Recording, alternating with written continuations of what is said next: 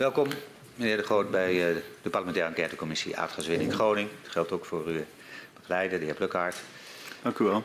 60 jaar gaswinning heeft Nederland veel gebracht, maar kent zeker voor gedupeerde schaduwkanten. De commissie onderzoekt hoe deze schaduwkanten hebben geleid tot het besluit om uh, de aardgaswinning in Groningen te stoppen. We willen weten hoe de besluitvorming op cruciale momenten is verlopen, hoe de private en publieke partijen samenwerkten in de gaswinning. We onderzoeken de aardbevingen en ontwikkeling van kennis daarover, de afhandeling van schade veroorzaakt door de bevingen en het proces van het versterken van gebouwen in Groningen. U uh, was in de periode rond Huizingen uh, directeur bij Economische Zaken op de energiemarkt. En uh, u wordt vandaag gehoord als getuige. Dit verhoor vindt plaats onder Ede en u heeft gekozen om de belofte af te leggen. En dat u de gehele waarheid en niets dan de waarheid zal zeggen. Daarom verzoek ik u om even te gaan staan. En dan mij na te zeggen, dat beloof ik. Dat beloof ik. Dan staat u nu onder Ede. Mag u weer gaan zitten. Uh, het verhoor uh, zal worden afgenomen door uh, mevrouw Kat en mijzelf. En mogelijk dat mevrouw Tiele op het eind ook nog enkele vragen aan u heeft. Is dat helder? Heel helder, ja. Dank Dan gaan we beginnen. Mevrouw Kat. Ja, meneer De Groot, u was van 2002 tot 2014 werkzaam als directeur energieproductie, later energiemarkt bij het ministerie van Economische Zaken. En vanuit deze functie was u commissaris bij Gasterra en bent u intensief betrokken geweest bij de gang van zaken rondom het gaswinningsdossier en de aardbevingen in Groningen. Ook in de functies die u daarvoor bekleedde bij het ministerie van Financiën had u al te maken met het gasgebouw of het energiebeleid. In dit verhoor willen we echter vooral met u hebben over uw tijd bij het ministerie van Economische Zaken. We staan onder andere stil bij uw werk van uw directie, uh, over de afspraken die er waren met betrekking tot de productie uit het Groningenveld en de ontwikkelingen na de aardbevingen van Huizingen. Wat doet een directeur energieproductie? um, ja, de directeur energieproductie geeft leiding aan, uh, aan een directie uh, die in, uh, meestal in clusters is georganiseerd, waar, waar de beleidsonderwerpen worden behandeld en geeft, geeft sturing aan, aan het beleid en is de belangrijkste schakel uh, tussen de directie en de DG en de minister. Oké. Okay. Welke, welke belangen aangaande de gaswinning waren binnen uw directie belegd? Um, heeft, heeft u het over de directie energieproductie of energiemarkt? Um, in 2002, dus toen was u nog energieproductie. Uh. Oké. Okay. Uh, ja, dat ging, uh, dat ging vooral over uh, ja, de, de, de gaswinning, de, het mijnbouwbeleid. het gasgebouw zat daar dus inderdaad ook in met de belangen die daar aan verbonden zijn. Het kleine veldenbeleid, de, de aardgasbaten, de leveringszekerheid. dat waren de, de onderwerpen. En het mijnbouwbeleid zat dus ook expliciet in, in de directie. Nou, en later bij Energiemarkt? Bij Energiemarkt uh, de, dezelfde onderwerpen die ik net noemde, maar daarnaast ook uh, verantwoordelijkheid voor de markt en de marktwerking. Wat natuurlijk in de gasmarkt ook in die, uh, in die jaren enorme, een enorme vlucht nam. Mm -hmm. Ja, dus dan heeft u het over veiligheid, over economische belangen, leveringszekerheid en over gasbeleid in het algemeen. Ja, ja ook internationaal. Ja. Um, we hebben begrepen dat binnen uh, directie Energiemarkt verschillende clusters uh, waren ingericht. Um, een cluster mijnbouw en een cluster gasgebouw gasmarkt. Waar hielden deze clusters zich mee bezig? Uh, de cluster, Begint u met cluster mijnbouw? Cluster mijnbouw, ja, daar, daar zat het mijnbouwbeleid, dus het uit, de uitgifte van, van de vergunningen. En alles wat daarmee samenhing, de beoordeling van, van de aanvragen, het, het, verlenen van de vergunningen, het verlengen van de vergunningen. Mm -hmm. Alle randvoorwaarden rond mijnbouwbeleid. En in de, het cluster gasmarkt, daar, daar zaten de, uh, daar zat het, uh, het hele gasgebouw zat daarin en de gasmarkt. Ja. En hoe groot waren beide teams? Ehm, ik denk beide ongeveer tien mensen. Tien mensen? Dus in die orde van grootte. Dus tien, tien? Ja. ja. Oké, okay. en hoe werkten zij samen? Uh, zij werkten, werkten, samen op de onderwerpen die, uh, die doorsnijdend waren. En dat kwam natuurlijk ook samen in, het, uh, in ons MT. Uh, dus daar werd met elkaar over gesproken. Ja, en als u zegt samenwerken, beschik- beschikten, ze de, beschikten zij dan over dezelfde informatie? Ehm, nee, dat denk ik niet, want eh, het, het, eh, het gasmarkt en het gasgebouw gebeuren was toch een redelijk afgeschermde, afgeschermde zaak. Ook, ook vanwege de, de vertrouwelijkheid en de commerciële kant van, van het verhaal. Dus in in cluster gasgebouw, gasmarkt, daar werden vertrouwelijke informatie in behandeld. Ja. Ja. ja. En die kreeg cluster mijnbouw niet te zien. Eh, nee, niet, niet, niet specifiek. Alleen de mensen die daar eh, concreet aan die onderwerpen werkten. Ja. Maar goed, de, de onderwerpen rond mijnbouw, dat gaat ook over eh, vergunningen van bedrijven. Dus dat werd ook niet, niet breed met iedereen gedeeld. Nee. Dus, dus een kleine groep mensen heeft eigenlijk toegang tot vertrouwelijke informatie van het gasgebouw. Om wel, wat voor informatie gaat het dan? Ja, dat gaat om informatie die in, in, binnen, binnen eh, aanvankelijk GasUnie en later Gasterra speelde rond eh, contracten, rond eh, allerlei commerciële voorwaarden. eh, die die in, in dat gasgebouw echt horen en, en een onderdeel zijn van het, het commerciële beleid van Gasterra. Ja. Dus eigenlijk eh, zegt u daarmee dat het cluster dat moest adviseren over de concessies en over eh, winningsplannen van bijvoorbeeld de NAM. Die beschikte niet over de informatie die eh, het gasgebouw of gasmarktcluster had. Nee. Oké, dank u wel. Eh, we willen het graag nog even met u hebben over de veiligheid van de gaswinning en de, hoe de kennis daarover binnen het ministerie was belegd. Wat verstond u of uw directie onder veiligheid van de aardgaswinning in de periode voor Ehm, ja, de veiligheid rond, eh, rond de processen van de, van de gaswinning. Eh, dus dat het, eh, de winning op een, op een verantwoorde wijze gebeurde en dat eh, de externe effecten ook beperkt waren. En dat daar ook een plan lag om die externe effecten ook, mochten ze zich voordoen, te, bestrijden. En daar werd ook ja, onderzoek naar gedaan. We hebben ook natuurlijk een aparte unit bij TNO die ook keek naar eh, de, de randvoorwaarden en de, en de gevolgen die de winning zou kunnen hebben. Ja. En hoe was het eh, veiligheidsbelang nou precies binnen uw directie belegd? Nou ja, dat zat in dat cluster mijnbouw, Ja. eh, waar ook bijvoorbeeld een geoloog werkzaam was, die ook toetste. En we kregen natuurlijk allerlei adviezen vanuit de SODM, en vanuit EBN en vanuit TNO rond die vergunningen, wat ook allemaal op het centraal punt binnenkwam. En was het dan een collectieve verantwoordelijkheid van dat team? Of was er binnen het team nou ook weer een speciale eh één of meer verantwoordelijke voor eh, het veiligheidsbeleid? Nee, dat was eigenlijk een collectieve verantwoordelijkheid bij de afhandeling van een, een vergunning of later een winningsplan. Ehm, Ja. Om gezamenlijk tot, eh, tot een afweging te komen en daar ook eh, overleg over te plegen van, Ja. ook met de adviseurs van ja, wat, wat ligt er voor, wat zijn de voorwaarden die we eventueel aan zo'n vergunning gaan, gaan hechten. En hoe zorgt u er dan als directeur voor dat dat veiligheidsbelang voldoende werd meegenomen bij beleid en besluitvorming? Ja, om goed, om goed te kijken naar, naar het voorstel wat er lag. Wat overigens ook dan nog naar de Mijnraad ging. Dus er werd van alle kanten werd er naar gekeken of dat, of dat ook goed geborgd was. Ja. En als het gaat, daar zei u al iets over, door inschatting van de specifieke veiligheidsrisico's bij mijnbouwactiviteiten. Vertrouwde u nou in hele belangrijke mate op externe adviseurs, zoals TNO, KNMI, SODM, misschien ook de producenten zelf? Ja, in eerste instantie is het natuurlijk de producent die de gegevens moet, Ja. moet aanleveren en ook moet aangeven Ja. op welke manier dat, eh, dat behandeld wordt. En dat, daar zit natuurlijk ook een element in van het vertrouwen wat je al dan niet in zo'n partij hebt. Ja. Eh, maar ja, we, we op, op- in belangrijke mate koersten we op de expertise van externe. Maar Ja. ehm, ik heb het altijd heel belangrijk gev- gevonden dat wij zelf ook expertise in huis hadden. Dus Ja. eh, dat, je, dat je wel een geoloog hebt die niet alle onderzoeken zelf doet, maar wel kan toetsen van wat, wat staat hier en, en eh, snijdt dat hout. Ja. En u noemt al eh, de geoloog, maar was er wel voldoende eh, kennis aanwezig in het cluster mijnbouw om eh, ja, de inhoud van alle onderzoeken en adviezen die derden gaven op, op dit terrein goed te begrijpen?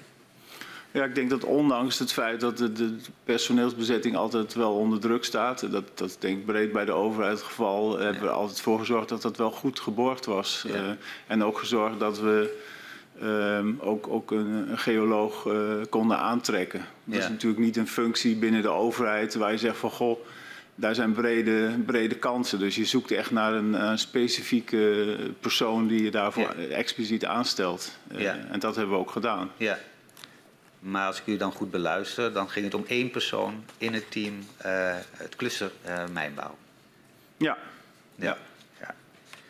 Ehm, en dat was een voldoende eh, ja, technische capaciteit voor het ministerie Nou ja, u- om, om dit te borgen. U, u moet begrijpen dat, dat het. ehm, het is een heel, heel eh, landschap van adviseurs. En de mensen van TNO waren, werden speciaal door ons ingehuurd, zeg maar. Dus het was ons eigen, eigen team ook. Dus het was een, zeg maar een verlengstuk van, van het ministerie, maar extern. Het, is- Ja. het, het was niet een, eh, Ja. een partij met andere belangen, zeg maar, die je moest wantrouwen. Nee, ze, zij zaten voor hetzelfde verhaal. Ja. En dan heb je ook nog iemand in je eigen directie die, dat ook, die, die discussie met ze goed kan voeren. Ja.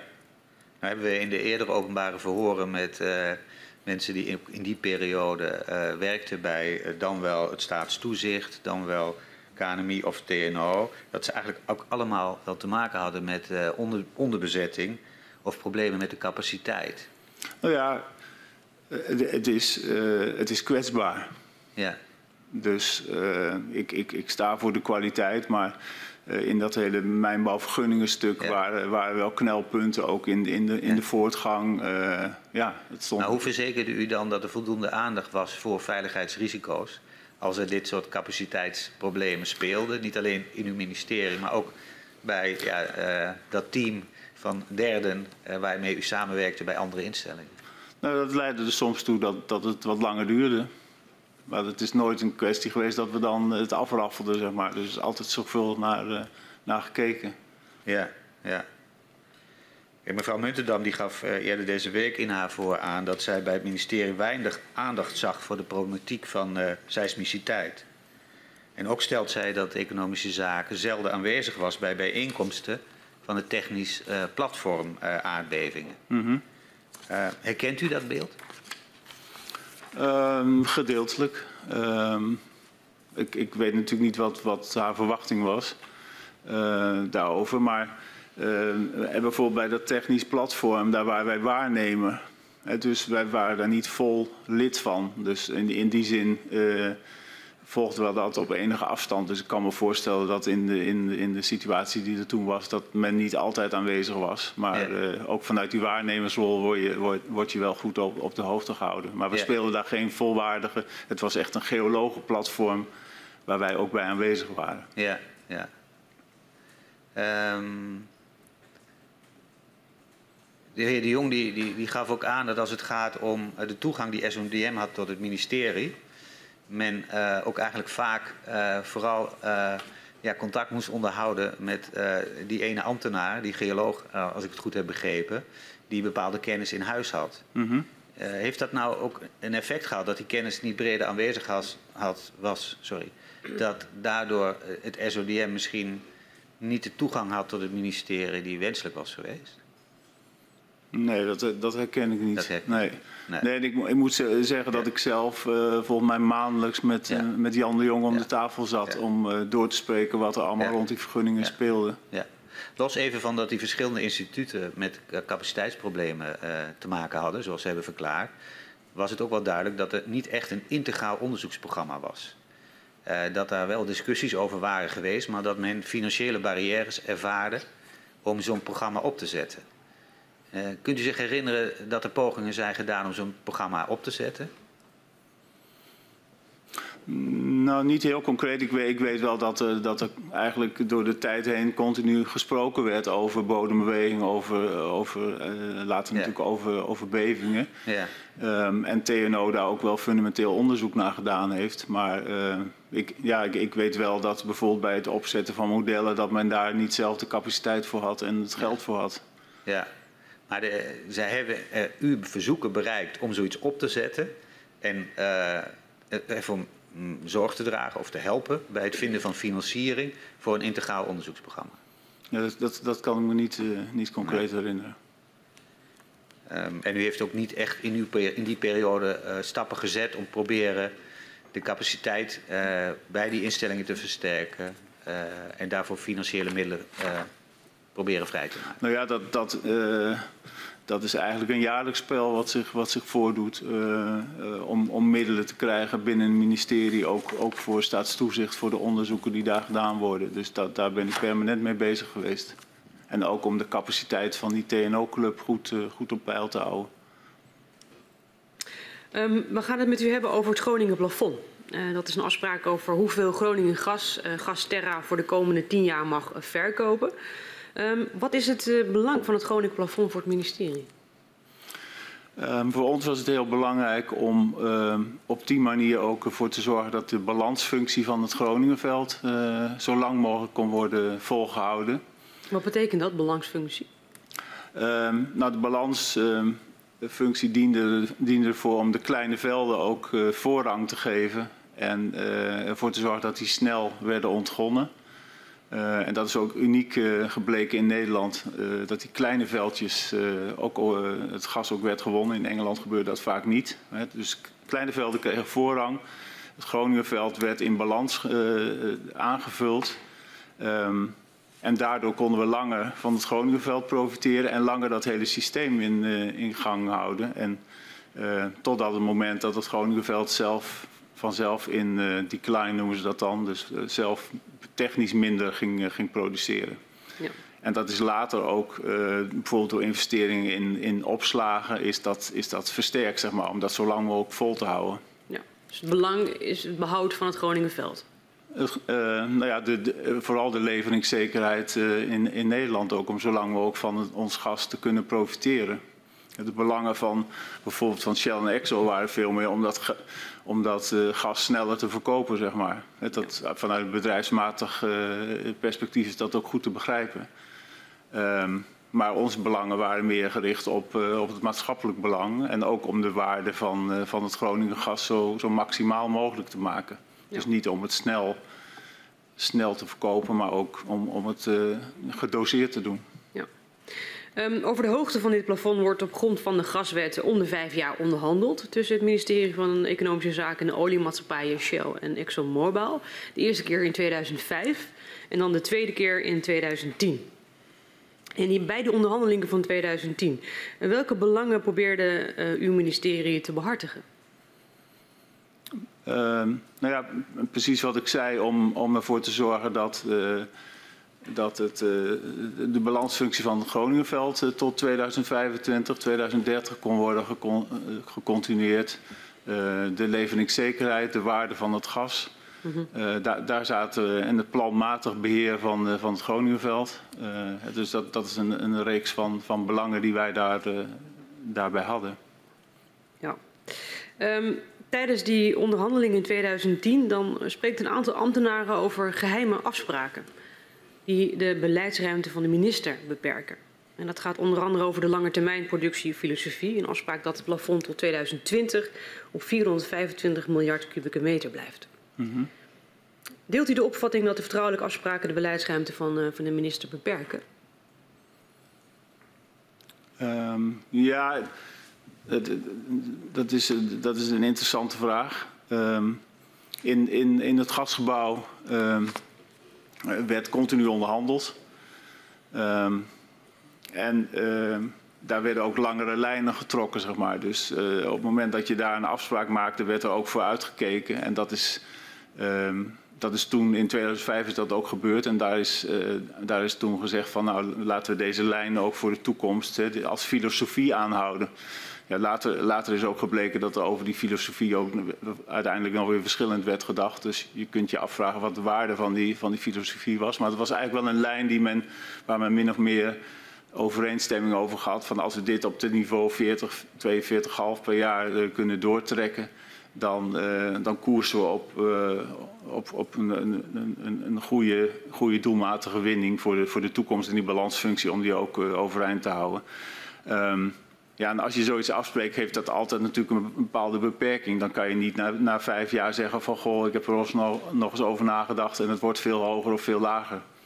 Uh, dus het was eigenlijk het vertrekpunt voor, uh, voor verdere besprekingen na vijf jaar. Ja, dus als u zegt lijn doortrekken, het was het vertrekpunt, dan, dan zijn het dus bindende afspraken.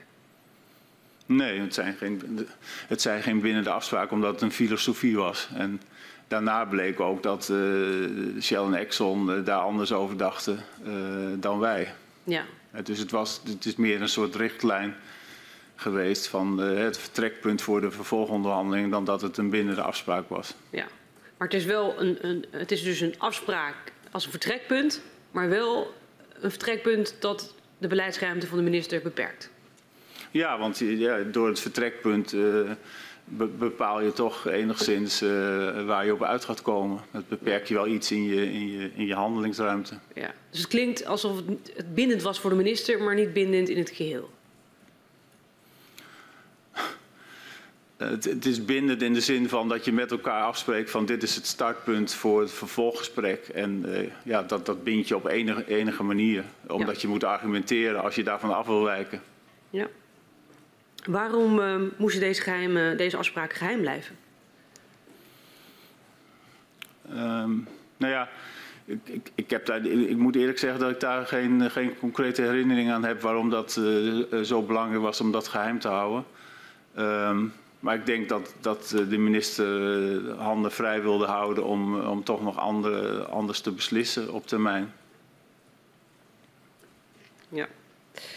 Um, uit verschillende nota's begrijpen wij dat het ministerie van Economische Zaken, uh, Shell en ExxonMobil, uh, in 2010 van inzicht verschillen over de vraag of de onderproductie uit 2006-2010 later nog ingehaald mag worden.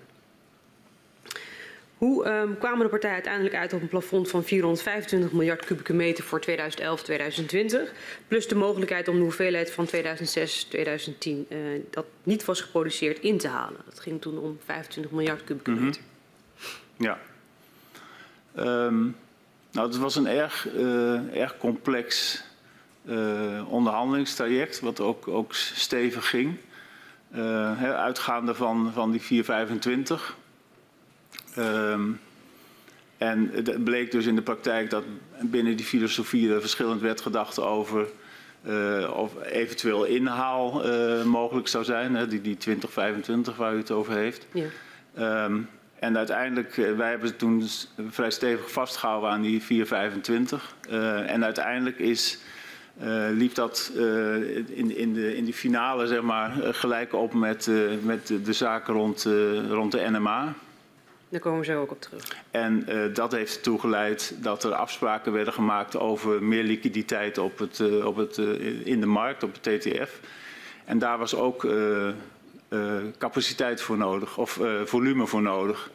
En in dat, dat eindspel is, is toen gezegd van nou dan uh, zijn we er op alle fronten uit en dan geven we ook wat extra volume om juist die maatregelen ook te faciliteren waar de NMA op, op aandrong. Ja. Dus dat is uiteindelijk het, het compromis geworden. Ja.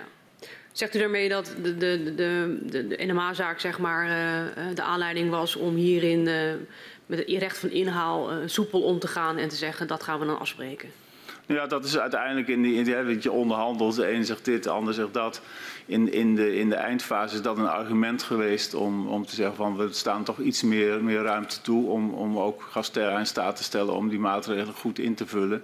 En wat er altijd een beetje doorheen speelt is dat uh, er ook gekeken wordt naar uh, de, de investeringen in de opslagen. Mm -hmm. uh, en naarmate de, de, productie hoger werd, werd de na, nadruk uh, hoger om ook die, die investeringen te doen voor, voor de oliemaatschappijen in die opslagen. En Norg en Grijpskerk onder andere. En dat vonden we van belang, ook voor de toekomst. Uh, als het Groningenveld minder zou produceren, om ook ervoor te zorgen dat de seizoensverschillen, in de winter gebruik je veel en in de zomer weinig, om dat te kunnen balanceren. Ja. Dus eigenlijk om die oliemaatschappijen te paaien door die investeringen in die gasopslagen. Ik zou het woord paaien niet, genoemd, niet, niet zo, zo overnemen, maar om ze in het, in te prikkelen, ja, ja, te, te prikkelen, prikkelen om die investeringen ook daadwerkelijk te doen. Ja. Waar werden deze afspraken vastgelegd? Um,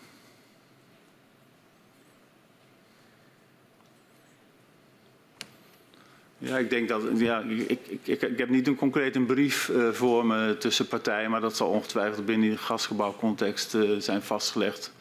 Of in, in het college van gedelegeerden. Ja. Um, dat besluit werd destijds niet gedeeld met de Tweede Kamer. Ondanks dat dat in meerdere ambtelijke nota's uh, stond dat dit zou gebeuren. Waarom? Dat klopt. Ja, dat is een hele goede vraag. Daar heb ik het antwoord niet op. Uh, we hebben de minister ook aangegeven dat we een brief aan de Kamer zouden schrijven daarover. En dat is niet, uh, dat is niet gebeurd. Het is, uh, ja, ik weet niet waarom dat, dat, dat is een, een slordigheid of een fout geweest. Ja. Want er is wel bijvoorbeeld er is wel over gecommuniceerd in, in het jaarverslag van, van EBN in 2011 over 2010. Daar staat de afspraak ook, maar dan moet je wel zoeken. Daar staat die wel in vermeld. maar we hebben daar geen separate brieven over aan de Kamer gestuurd. Nee. Ja, maar in de ambtelijke nota's aan de minister stond wel, dat gaan we doen, ja, in de Tweede ja, Kamer. Ja. Maar het is dus niet gebeurd. Nee, dus u heeft geen reden waarom. Uh, u weet niet waarom dat niet is. Nee, gebeurd. ik zou het niet, uh, niet weten. Nee. Nee, nee want uh, we hebben altijd alles netjes, ook rond de eerdere plafonds, aan de, aan de Kamer gemeld. Dus het is geen aanleiding om het niet te doen.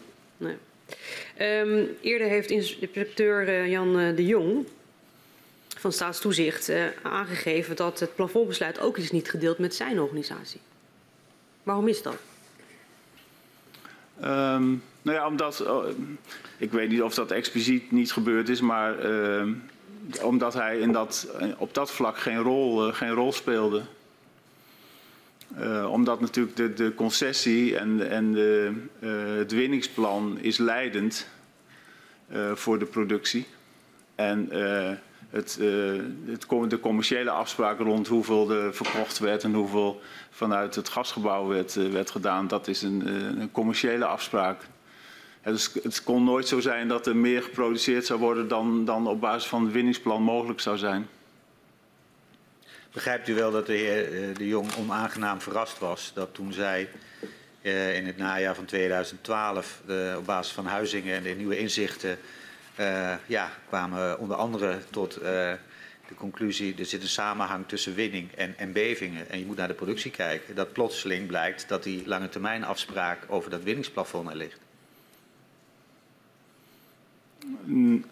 Nou ja, ik, de, de, heer De Jong kon ook kennis nemen van, van de, de afspraken die er lagen rond het plafond. Uh, die was ook op de hoogte van, uh, dan niet van de Kamerbrief, want die was er niet, maar van, wel van het jaarverslag van de EBN waar dat, waar dat in stond. Hmm. Hij speelde alleen geen rol bij de besluitvorming over ja. het plafond. Ja. Ik heb nog één vraag over uh, het bindende karakter van die afspraak. Want we zien ook in, in enkele ambtelijke stukken ja, dat daar ook wordt gezegd dat het juridisch moeilijk zal zijn om daar onderuit te komen. Herkent u dat? Welke bindende afspraak bedoelt u? Dat is de afspraak waar we het net over hadden. Uh, dus die in 2010 is gemaakt uh, als het gaat om uh, ja, tien jaar winnen volgens dezelfde productiefilosofie 425 miljard kuub. Mm -hmm. u zei al, ja, je kunt er niet, uh, het is een startpunt, zei u. Ja. Maar we zien zelfs, het, het is juridisch lastig om daar onderuit te komen. Dat, mm -hmm. dat klinkt toch wel wat sterker. Nou ja, het gaat het, om een bindendheid van die mm -hmm. afspraak. Ja. Nou ja, het, het, het Groningen plafond was eigenlijk vooral opgehangen aan de kleine velden. Um, hè, want als, de, de vraag is, is, hoeveel mogelijkheden heb je als overheid om, om uh, om in te grijpen op de winning als daar niet bijvoorbeeld veiligheidsredenen voor zijn. He, Ja. Normaal is het zo dat een winningsvergunning of een concessie wordt verleend. Uh, dan, en eigenlijk is het belang van de staat dan dat er zo snel mogelijk wordt gewonnen. Dat het de, de voorkomen niet te lang in de grond blijft zitten. Um, terwijl hier waren concrete afspraken Ja. uh, vanuit het gasgebouw die juist de, de, de, uh, de, oliemaatschappijen en NAM uh, limiteerden in, in, de, in, de, in de productie. En dan is de vraag van ja, welke titel heb je daar überhaupt voor? Dus Ja, het feit, en bij het teruglopen van de kleine velden was, was die titel om Groningen te beperken steeds, steeds geringer. En dus de juridische kwetsbaarheid van dat soort besluiten was best groot. Ja.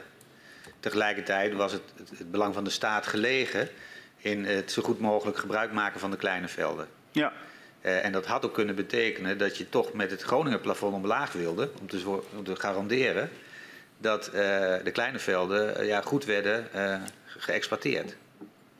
ja. Maar waarom dan toch die lange termijn afspraak op een vrij bindende manier maken? Nou ja, omdat dat ook de manier was om de, de, over die eerste vijf jaar een akkoord te bereiken. En dat je daarbij al naar vooruit keek en zei van goh, hmm. laten we dit, dit, is een, dit is een constructieve lijn ja. die aan die criteria die ik noemde voldoet. Ja. Laten we die in principe doortrekken. Uh, u, u, sprak er net al even over. Een element in die onderhandelingen over dat plafond was ook uh, uh, ja, de zaak die liep bij de Nederlandse mededingingsautoriteit. En dat vergt wel even wat inleiding. Want de NMA is dan al een aantal jaar bezig met onderzoek naar de gedragingen van Gasterra op de gasmarkt.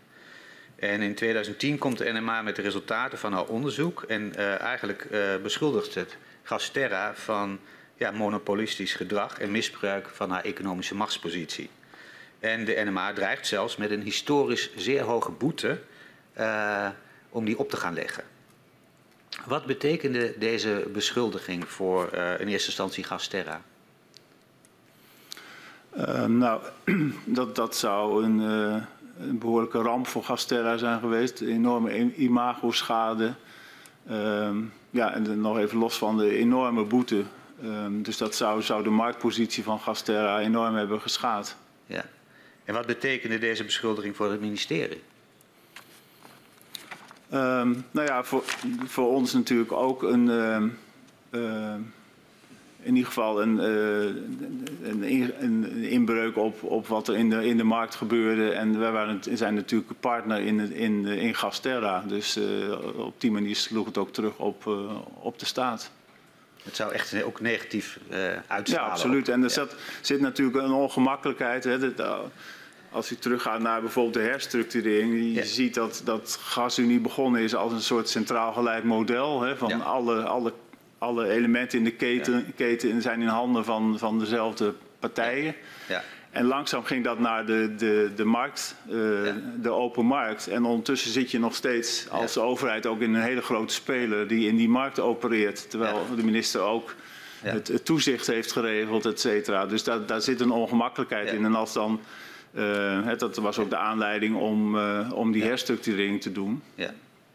En als de NMA dan met zo'n zo'n zaak komt, is dat natuurlijk een hele, hele kwetsbare hele kwetsbare affaire die ook uh, enorm schadelijk zou kunnen zijn. En um, de vraag die daar ook onder lag was van, ja, zit er ook uh, substantie achter? Hebben ze gelijk of hebben ze geen gelijk? Ja. En die substantie zat er? nou ja, de, vanuit Gasterra werd gezegd van uh, men heeft uh, de, de, ambities om die, om die uh, te versnellen, de marktwerking te ja. versnellen, dat, dat zijn de, de begrijpelijke ambities. Ja. Maar dat, dat die monopoliepositie werd uit, uit, uh, er zou zijn of zou worden uitgebuit, daar, daar kon men zich bij Gasterra niet in vinden. En nee. een van de onderdelen van het vervolgtraject in, ja. uh, met NMA was ook dat er werkgroepen kwamen uh, die die verschillende elementen ook gingen uitwerken. En vanuit maar de gas... andere kant was natuurlijk dat de afnemers van het gas, ja. dat die wel het gevoel hadden dat ze een te hoge prijs betaalden. En, en, en dat NMA, uh, door uh, deze conclusie te trekken en met deze boete te dreigen, eigenlijk van mening was dat uh, ja, daar echt een kwestie lag. Dat klopt toch?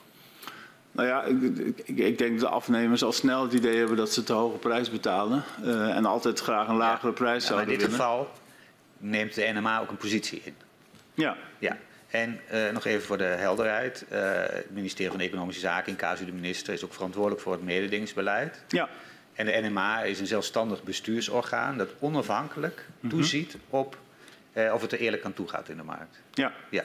Dan zien wij dat u uh, samen met de heer Veilbrief, die toen uh, directeur-generaal Energie was, in november 2010 optreedt als facilitator van de onderhandelingen tussen Gasterra en de NMA. dus u, u, u, speelt daar een soort ja, rol. Moet u maar even uitleggen of dat nou gebruikelijk was dat ambtenaren van economische zaken bij dit soort onderhandelingen als facilitator optraden? Nou ja, ik, uh, in algemene zin niet, denk ik. Uh, maar dit was natuurlijk een bijzondere situatie, omdat wij ook betrokken waren in, uh, in, in Gasterra. Um, en wij hebben daar als ambtenaar geen inhoudelijke rol gespeeld, maar meer uh, ervoor gezorgd dat dat de partijen ook bij elkaar kwamen om, om inderdaad uit te kruisen van wat is hier nu aan de hand. Uh, is er inderdaad sprake van uh, de, de, de, klacht die NMA heeft en hoe zouden we dat eventueel kunnen, kunnen accommoderen. Ja. En die rol en het bijeenbrengen van die partijen hebben wij, hebben wij toen gespeeld in het belang van uh, ja, zowel de NMA als ook van Gasterra. Ja. ja. Dus u zegt het is een unieke situatie. We deden dat niet uh, in andere dossiers. Nee. Uh, maar hier speelden ook veel belangen die allemaal ook onder verantwoordelijkheden, de verantwoordelijkheid vielen van het ministerie. Was het nou wel verstandig om als EZ-ambtenaren de rol van facilitator te, spe te spelen of niet misschien een derde partij dat te vragen? Um, ik kan alleen maar zeggen dat het in de praktijk goed, uh, goed uitgewerkt heeft uh, om het op deze manier te doen. Ja. Maar toch zien we dat dan in november en december gewerkt wordt uh, ja, in overleg tussen Gasterra en de NMA over een pakket maatregelen. om te zorgen dat de boete niet wordt opgelegd. Maar op 3 januari 2011 stuurt de NMA toch weer aan op een boete. Hoe hoog was eigenlijk de boete waarmee de NMA dreigde op dat moment? Um, dat weet ik niet precies, maar het is altijd een percentage van de omzet. Ja. En de omzet van Gasterra was behoorlijk. Het gaat om honderden ja. miljoenen euro's, hè? Ja. ja. Op uh, eh, 7 januari is de NMA vervolgens toch weer bereid te spreken over een pakket maatregelen. Wat is er eigenlijk precies gebeurd in die tussenliggende dagen? Um, ja, het, makkelijke antwoord zou zijn dat zou u aan de NMA moeten vragen. Um, maar wat, wat, gebleken is, is dat zij uh, zich uh, in, in, die eindfase toch niet, niet geheel zeker vonden over het pakket wat er op dat moment op tafel lag. Um, en op die manier die besluiten hebben genomen. En vervolgens is dat daarna eh, in gesprekken toch weer uh, opnieuw geopend, dat gesprek. En is er nog weer een kleine bijstelling aan, de, aan het pakket geweest. Ja, u zegt de, de makkelijke uh, route is het vragen aan de NMA. Maar wij komen ook gewoon mailverkeer tegen, waarin uh, u ook in overleg met Veilbrief niet alleen ja, zeer verrast bent door deze opstelling van de NMA, maar ook ja, wil dat de minister hierop gaat interveneren. Mm -hmm. En heel stevig met de baas van de NMA gaat praten. Waarom doet hij dat? Nou ja, omdat wij, wij, waren uit, uh, of men was eruit met, met, Gasterra, met uh, tussen Gasterra en NMA. En wij, begrepen op geen enkele manier waarom uh, men koud watervrees kreeg, kreeg bij NMA. Dus wij ja, wij vonden op dat moment dat men terugkwam op een eerder gemaakte akkoord. En, en dat was de reden om, om ook tegen de, tegen de, minister te zeggen van... Goh, spreek ze daarop aan, want dit is niet de manier waarop we met elkaar zijn omgegaan in dit traject. Hij staat dat niet op gespannen voet met de mededingingswetgeving... met de onafhankelijkheid van een NMA als ZBO...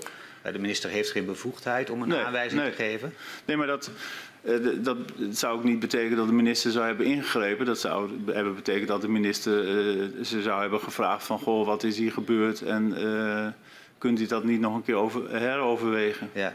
dus de, de, met intact laten van alle ja. bevoegdheden en onafhankelijkheid van de NMA. Ja. Dus u wilt wat uw insteek is, u wilt dat de minister in een gesprek maximale druk uitoefent, maar wegblijft van een aanwijzing, want die heeft, mag die formeel niet geven. Ja, exact. Ja. ja. En, dat... en dat heeft de minister ook gedaan? Ik kan, me niet, ik kan me niet meer herinneren of de minister daar zelf ook, ook toen actie op heeft uh, ondernomen. Dat weet ik niet meer. Maar de NMA hè, hè, ging weer een, op een andere route zitten. Dat zal niet vanzelf zijn gebeurd. Nee, maar goed, wij hadden zelf ook contact met de NMA uh, daarover. Dus wat het setje heeft gegeven, uh, dat, dat weet ik niet meer. En als de minister dat zou hebben gedaan, is dat dan iets wat uh, tussen de heer Veilbrief als DG en de minister is besproken? Of bent u daar zelf ook rechtstreeks bij betrokken geweest? Ik, ik weet alleen maar van, van het bericht wat u net, uh, wat u net, uh, waar u net op duidde. En ik weet niet wat, wat er verder voor gesprekken zijn geweest. Ook niet of de heer Veilbrief daar separaat met de minister over gesproken heeft. Dat weet u niet? Dat weet ik niet, nee. Daar ben ik niet bij geweest in ieder geval. Nee, u kreeg daar ook geen terugkoppeling van? Ik kan me dat niet, ik, in mijn beleving is, dat, is een dergelijk gesprek niet geweest. Ja. Um, dat marktverbeteringspakket dat kwam op een gegeven moment tot, tot, uh, stand. Daar zei u daar straks ook al iets over. He, dat omvatte ook uh, een aantal nieuwe producten die Gasterra op de markt moest zetten.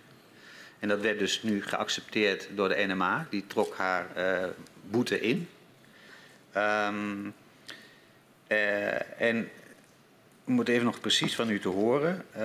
Het implementeren van die maatregelen betekende dat Gasterra meer ruimte nodig had. Mm -hmm. En dat leidde in de onderhandeling over het plafond mede ertoe dat er afspraak tot stand kwam dat het niet gewonnen gas uit het plafond van de periode daarvoor mocht worden ingehaald in de volgende periode.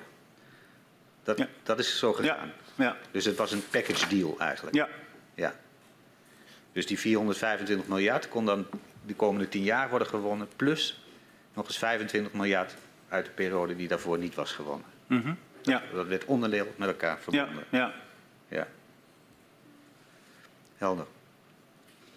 Dan uh, wil ik uh, graag met u stilstaan bij de, aardbevingen, uh, bij de aardbeving van Huizingen. plaatsvond op 16 augustus 2012. Um, hoe, heeft u die, hoe heeft u die beleefd? nou ja, als een ja, een, enorme, een enorme schok in de zin van uh, dat duidelijk was dat hier iets, iets, iets vreselijks gebeurde. Uh, wat ook bleek uit de enorme schadeaantallen die, die binnenkwamen. Uh, ja, dus, dus we waren zeer geschrokken van, van, van, die beving en van de kracht en de intensiteit daarvan. Ja. En tot welke acties leidde dat bij u en uw collega's? Nou ja, dat, dat leidt eh, in de praktijk, eh, ook, ook bij andere bevingen overigens, tot, tot contact met, met de operator, dus degene die verantwoordelijk is voor de, voor de productie. Uh, contacten met toezichthouders uh, om, om zo snel mogelijk in kaart te brengen van wat, wat is hier gebeurd, wat is hier aan de hand. Ja. Dus dat is in dit geval ook, ook gebeurd. Ja. Zegt u daarmee dat toen al, alle alarmbellen gingen rinkelen? Ja, Oké, okay. in, in, september komt de staatstoezicht op de mijnen met een eerste analyse over, een, uh, over de mogelijke maximale magnitude van aardbevingen in Groningen. Um, maar ook met de waarschuwing dat de aardbevingen mogelijk uh, zwaarder kunnen mm -hmm. worden. Wat doet u met deze analyse? Nou ja, daar hebben we met staatstoezicht over gesproken. En uh, ook, ook, de andere partijen in, op dit terrein zijn, zijn toen betrokken om, om te kijken wat, wat is hier aan de hand en uh, wordt dat ook door anderen, dat beeld ook door anderen gedeeld. Ja. de TNO, KNMI. Dat waren eigenlijk onze traditionele uh, partijen op het gebied van aardbevingen. over het algemeen zat de expertise van aardbevingen zat niet bij Stadstoezicht op de Mijn. Alleen ze hadden op dat moment wel uh, medewerkers die daar ervaring mee hadden en ook uh, uh, eigen onderzoek deden. Ja. En ja, we mogen nu wel zeggen dat, dat de complimenten natuurlijk naar staatstoezicht moeten gaan voordat ze dat, dat ook zo hebben opgepakt. Ja. Mevrouw Muntendam-Bos van Staatstoezicht op de Mijnen noemde de reactie van uw ministerie eerder deze week terughoudend. Herkent u dat? Ja, terughoudend in de zin dat we altijd eerst willen weten wat is hier nu precies aan de hand is uh, uh, om dat in beeld te brengen en niet in, in paniek uh, te, te, handelen, zeg maar. Ja. Um, ze zei, eh, sterker nog, ik proefde een ondertoon. wie zijn jullie om dit te bewijzen? we wachten eerst wel even af wat de experts hierover zeggen.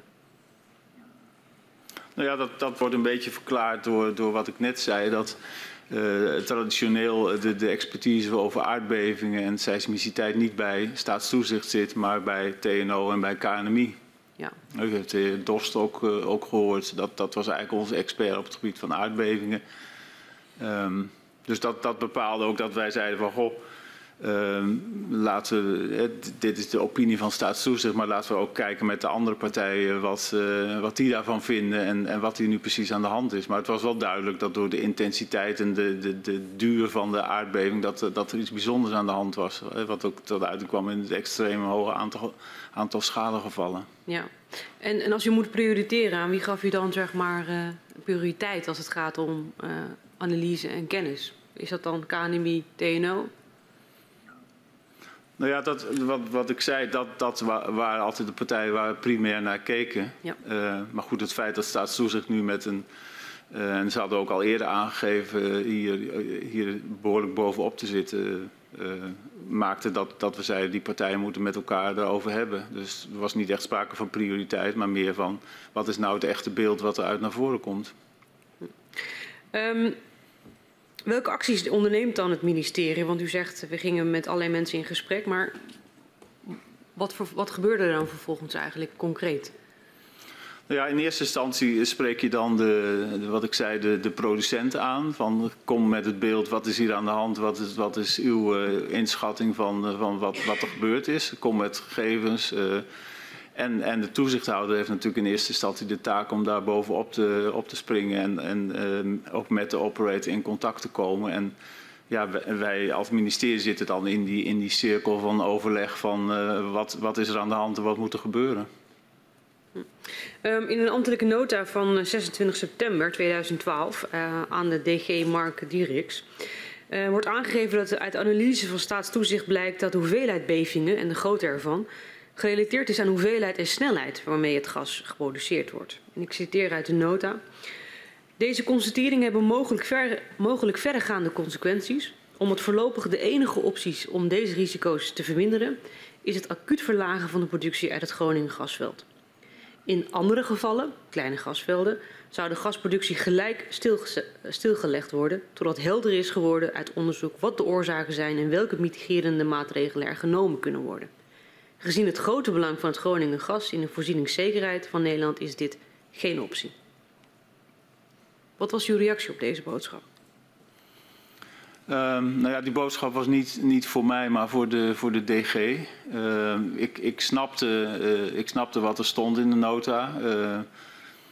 Uh, en inderdaad, op het moment dat het een heel klein gasveldje was geweest, hadden we de, of was de winning waarschijnlijk meteen stilgelegd. En dat, dat kon in dit geval niet. Dat zou grote consequenties hebben gehad.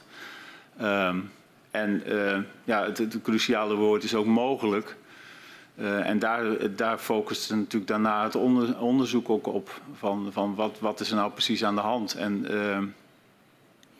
uh, en wat moet er gebeuren. Ja. En is deze informatie gedeeld met minister Verhagen? Ehm, op enig moment is dat, denk ik wel, maar dit was een nota aan de, aan de DG. Dus ik, ik weet niet of dat op die manier, of dat toen ook met de minister is gedeeld.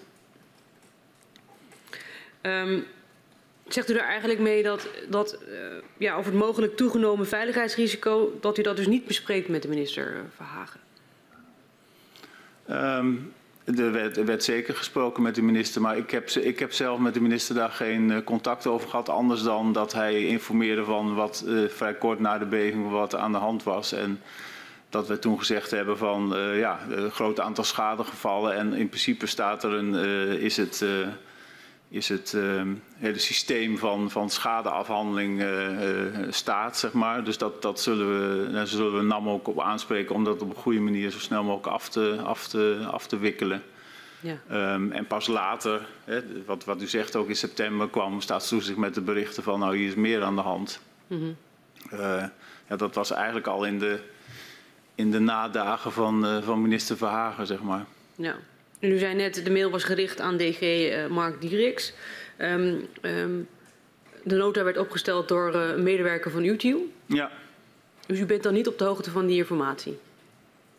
Nou, niet alle, in, in, het systeem wat wij binnen het ministerie hebben, is het niet zo dat alle nota's altijd langs de directeur gaan. Dus het kan, in dit geval zal hij, zal hij hem rechtstreeks uh, geadviseerd hebben. Ja, maar u heeft in ieder geval zelf die informatie wel ontvangen? Maar niet besproken met de minister Verhagen? Nee, niet zelf. Nee. Oké. Okay. Welke acties heeft uw afdeling dan toen uh, in gang gezet? Nou ja, in, in, wat ik net ook aangaf in het, uh, in het overleg uh, met de NAM, in het overleg met staatstoezicht, met de andere partijen spelen wij dan een, een rol. als, natuurlijk als verantwoordelijke departement. Om, om te kijken van wat is hier aan de hand, welke acties zouden zou tot stand moeten komen. We wachten natuurlijk ook af wat, wat het oordeel is van staatstoezicht. Uh, ja, dus dat is, dat is een overlegcircuit waar je dan in, uh, in terechtkomt. En het duurt natuurlijk altijd even voordat ook NAM uh, de gegevens boven tafel heeft van wat er, wat er zich heeft voorgedaan. -hmm. Nou, we lezen dus in diezelfde nota dat, dat er met spoed twee zaken onderzocht gaan worden. Eén is wat u zelf zegt, hè, een brede groep van experts gaat allerlei technische analyses en de conclusies ja. nog onder een vergrootglas leggen. Maar ook dat NAM en intern EZ naar scenario's gekeken eh, hoe de productie en productiesnelheid van het Groningen gasveld getemperd kan worden. En dat daarvan de consequenties voor de leveringszekerheid in Nederland en de gasbaten zijn. Ja. Dus in hoeverre start dan uw, uh, uw directie met het voorbereiden van een mogelijke productiebeperking? Um. Dit wordt dan, eh, dit is een spoedklus, wordt het genoemd. Ja, nou ja. Um dat wordt, werd op dat moment werd dat zo genoemd. Uh, het is natuurlijk niet uh, aan, aan, de medewerker om dat uh, te bepalen uiteindelijk. Dus je gaat met elkaar kijken van wat zijn nu verstandige stappen om te zetten. Ehm, en daar hoort natuurlijk bij dat je, dat je gaat onderzoeken. en dat hebben we natuurlijk later ook met al die onderzoeken gedaan. Van wat is hier precies aan de hand en wat zijn de consequenties en wat zijn de goede stappen om te zetten. Ja, maar wat voor onderzoeken hebben we het dan over in het najaar van 2012? Dus niet 2013, maar vanaf september? Nou, in, in het najaar is vooral, uh, is vooral gekeken naar van wat is hier aan de hand en uh, hoe gaan we verder. Um, er is al wel uh, informeel contact geweest, bijvoorbeeld met Gasterra, van, van ja, wat, wat is de flexibiliteit, wat zijn de mogelijkheden, maar dat, dat is meer een vingeroefening dan.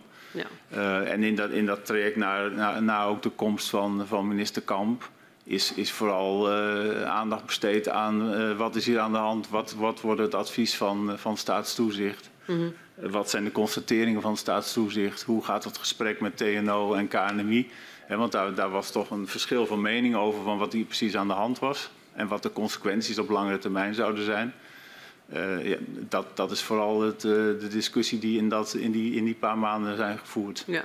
Maar zegt u daarmee dat uh, productiebeperking, dat, daar werden wel vingeroefeningen na gedaan? Ja, er werd natuurlijk wel, wel over nagedacht van goh, wat, wat zou dan mogelijk zijn. Ja. Oké. Okay. Op uh, 5 november 2012 ontvangt u een mail van uh, de CEO van Gasterra, de heer Langhorst. En hij laat u op basis van een ruwe berekening cijfers zien van een scenario waarin de Groningen productie wordt geminimaliseerd. Uh, en dat kan door maximaal pseudogas, uh, Groningen gas te produceren. Mm -hmm. uh, dus door stikstof toe te voegen aan hoogkalorisch gas, pseudo Groningen gas te maken. En om maximaal op verrijking in te zetten. In dat scenario zou in een normaal jaar qua temperatuur de productie uit Groningen minimaal 27 miljard kubieke meter moeten bedragen. En ter vergelijking, in het jaar 2012 werd circa 47 miljard kub uh, uit Groningen gewonnen. Op wiens verzoek stuurde de heer Langhorst deze mail? Uh, volgens mij heb ik hem gebeld. Het, wat ik net zei, dat informele contact van goh, wat zou er eventueel mogelijk zijn? Of als, als, dit zou voorliggen, wat, wat zou dan jullie antwoord zijn? Ja. En wat heeft u toen met die informatie gedaan? Um, ja, dat, dat, dat heeft in het vervolgtraject uh, meegespeeld. In de zin van uh, dat dat nuttige informatie was. Maar dat, dat, was natuurlijk maar een deel van het verhaal. Want bijvoorbeeld ga, GasUnie, of, of dit spoorde met wat, wat GasUnie daarover dacht, dat, dat hebben we toen niet onderzocht. Het was puur een eerste indicatie van wat zou vanuit Gasterra eventueel mogelijk zijn. Um, en in het vervolgtraject, uh, november, uh -huh. uh, rond de jaarwisseling, is door minister Kamp besloten om een, een, op de korte termijn in ieder geval een andere koers te varen. Daar komen we straks nog op terug. Maar ook hier zien we toch uit ambtelijke stukken dat ook in dat najaar al duidelijk is dat GasUnie Transportservices, dat onderdeel van GasUnie, dat kijkt ook naar de leveringszekerheid, ook over capaciteit beschikt om door stikstofconversie zo'n 20 miljard uh, kubieke meter pseudo-Groningen gas te produceren. En er dus minder uit het Groningenveld gewonnen hoeft te worden. Klopt dat? Dat die kennis er toen was? Ja. Nou ja, dat is later nog degelijk onderzocht in, in die echte studie die men heeft gedaan. Dit waren de eerste vingeroefeningen. Ja, maar die vinger- vingeroefeningen wezen erop dat eh, er mogelijkheden lagen om de productie met 20 miljard kuub eh, uit het Groningenveld eh, te verlagen en te vervangen door pseudo-Groningen gas op een Mhm. andere manier geproduceerd. Ja, er waren, er waren mogelijkheden om, Ja. om, om een, een stap terug Ja. te doen. Ja. Ja. Was de minister hiervan precies op de hoogte? Is de minister dit heel nadrukkelijk verteld? Ehm, ik, ik heb daar geen, eh, zelf geen herinnering aan. Ik ben niet bij dat gesprek geweest, maar hij zal daar ongetwijfeld van op de hoogte zijn gesteld. Door wie? Ja, waarschijnlijk door de DG of in het eerste gesprek wat met hem heeft plaatsgevonden waar ik niet bij geweest ben. Maar niet door u. Niet door mij, nee. Nee, terwijl u wel die informatie eh, had verzameld. In ieder geval contact had opgenomen met partijen die die informatie had. Ja, maar die informatie was wel, eh, was wel bekend binnen het ministerie.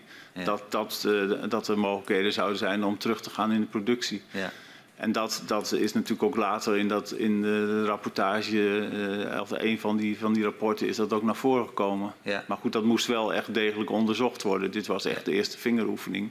Ja. Heeft u eh, iemand uit een van uw clusters, misschien het cluster mijnbouw, maakt mij eigenlijk gezegd niet uit, eh, ook de opdracht gegeven om actief bij eh GasUnie Transport Services na te vragen of de stikstofinstallaties ook ja, zouden kunnen draaien om die hoeveelheid stikstof te leveren en toe te voegen aan hoogkalorisch gas dat mogelijk elders was betrokken?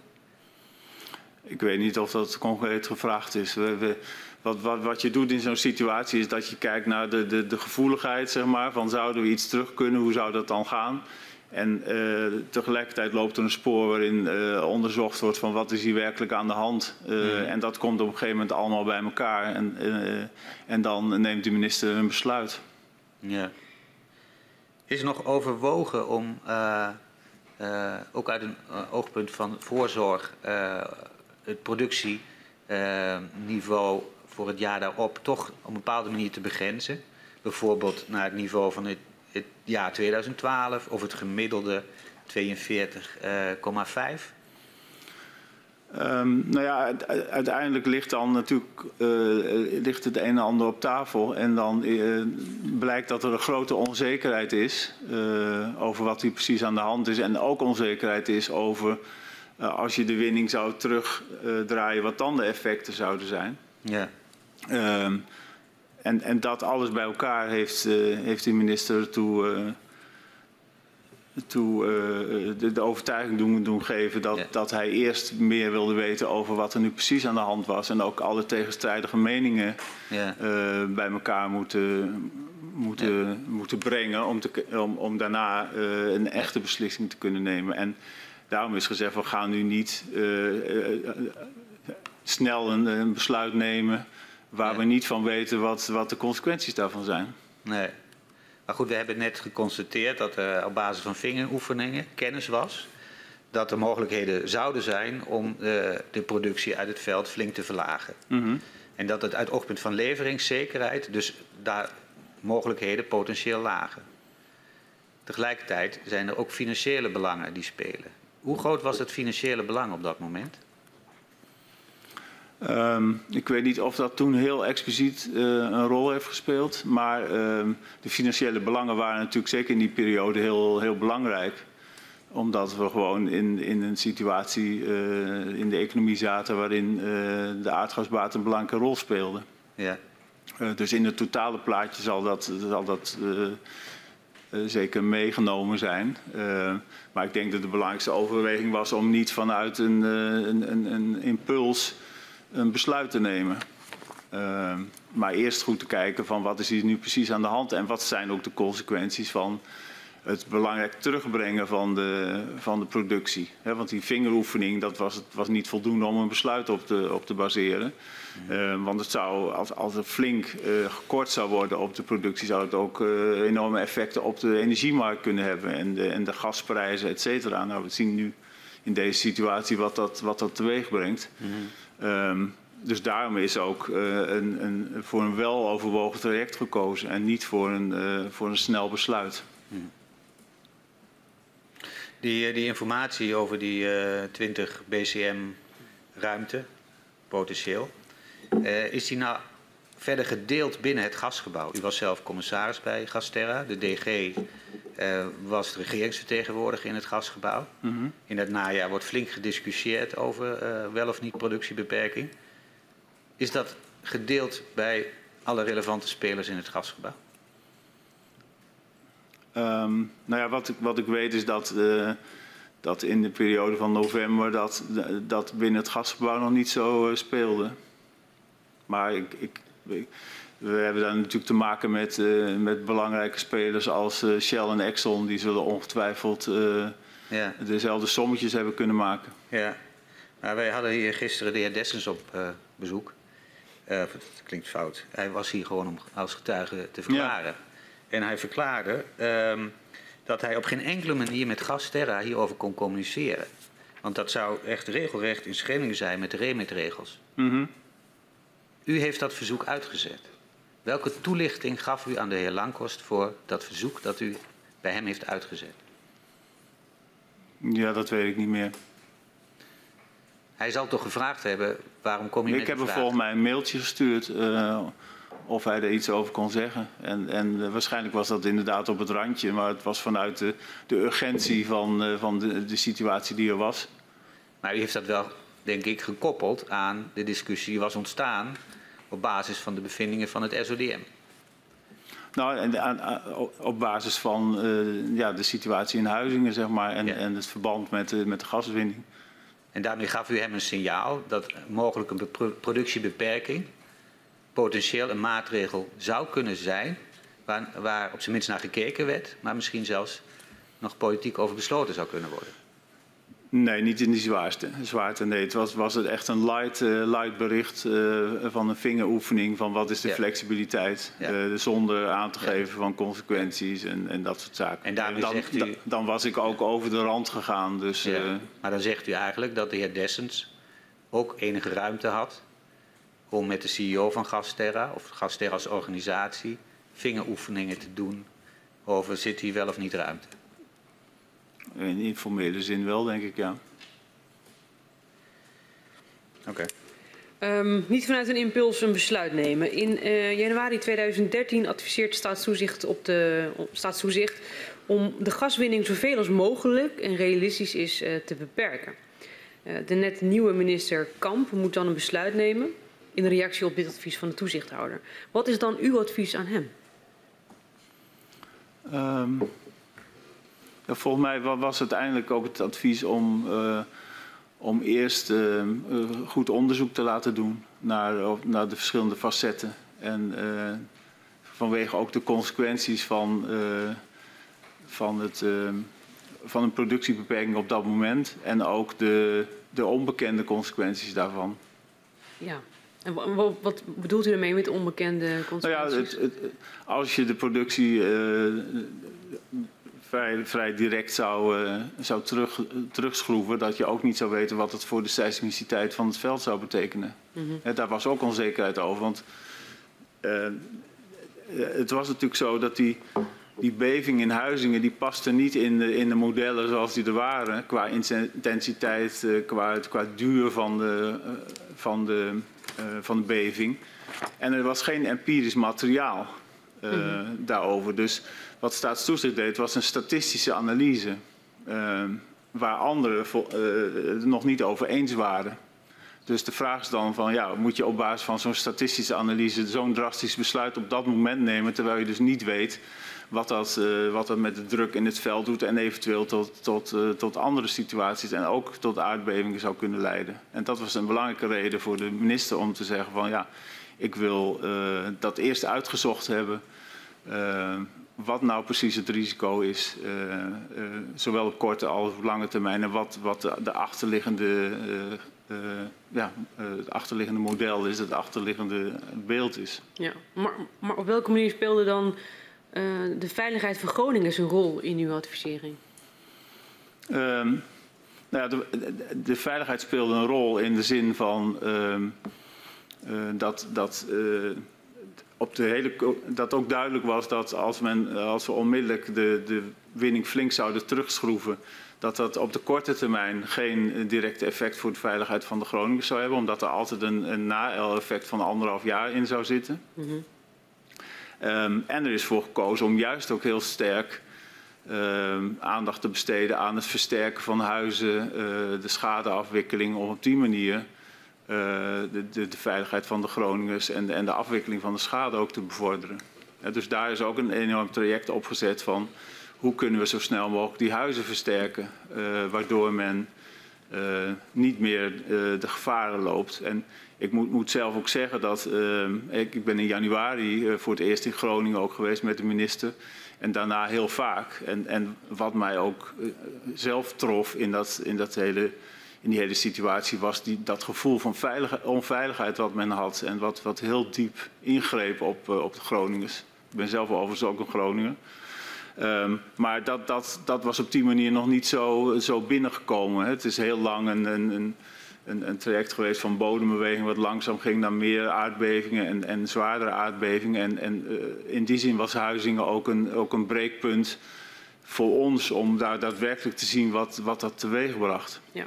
Maar rond een periode van uh, de aardbeving in Huizingen, uh, 16 augustus, was u niet in Groningen. De eerste keer dat u daar was, was dan met minister Kamp ja. in januari 2013. Ja. Ja. ja. Um, in de nota, afgetekend door u, uh, van 14 januari 2013, worden de geschakte effecten van een productiebeperking uh, opgesomd. En genoemd wordt paniek op de gasmarkt, prijsstijgingen, mogelijke problemen bij piekvraag in de winter. Maar veiligheidsoverwegingen worden echter niet genoemd. Hoe verklaart u dat? Nou ja, die zaten, die waren wel, zaten er wel degelijk in. Uh, alleen was het zo dat, wat ik net zei, dat die, dat die uh, um, de risico's maar heel beperkt zouden afnemen in dat, in dat eerste jaar. Als de productie beperkt zou worden. Ja. Dus dat was eigenlijk een gelijkblijvende situatie. Ja, dus de veiligheidsoverwegingen waren dan meegenomen in de gasmarkt, kopje paniek, kopje prijsstijging, kopje piekvraag in de winter.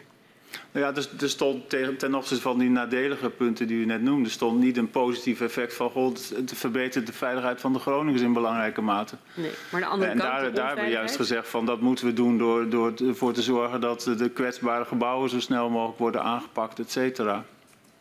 Dat had op de, uh, in ons beeld een, een, een beter effect dan, dan heel snel de productie terugdraaien. Vanuit veiligheidsoptiek. Ja. Dus, dus veiligheidsoptiek was wel volgens u uh, meegenomen in, uw, in uw advies, ja, in uw nota? Ja, Oké. Okay. U heeft eerder toegelicht dat het belang van veiligheid belegd was binnen het mijnbouwcluster uh, van uw directie. En daar zat dus één ambtenaar met specifieke geologische kennis. Mm -hmm. Uh, maar die was in januari 2013 een maand afwezig. Uh, hoe is er eigenlijk voor gezorgd dat zijn perspectief en veiligheidsbelang toch een plek kreeg in die ambtelijke advisering? Um, nou, ik, ik, ik, kan me, ik kan me dat niet herinneren dat hij afwezig was. En uh, ik kan me voorstellen dat ik in die tijd nog steeds, on, uh, waarschijnlijk is hij ziek geweest in die periode, dat ik nog steeds contact met hem heb gehad. en er waren natuurlijk, ja, we konden altijd terugvallen op de adviseurs die we, die we hadden, die, die ik in het begin van ons gesprek ook, ook noemde. Mm. Ja. Um, nou, die, diezelfde medewerker die ja, in het buitenland was. Die mailt u eind januari dat uit voorzorg productiebeperking een goede maatregel zou zijn.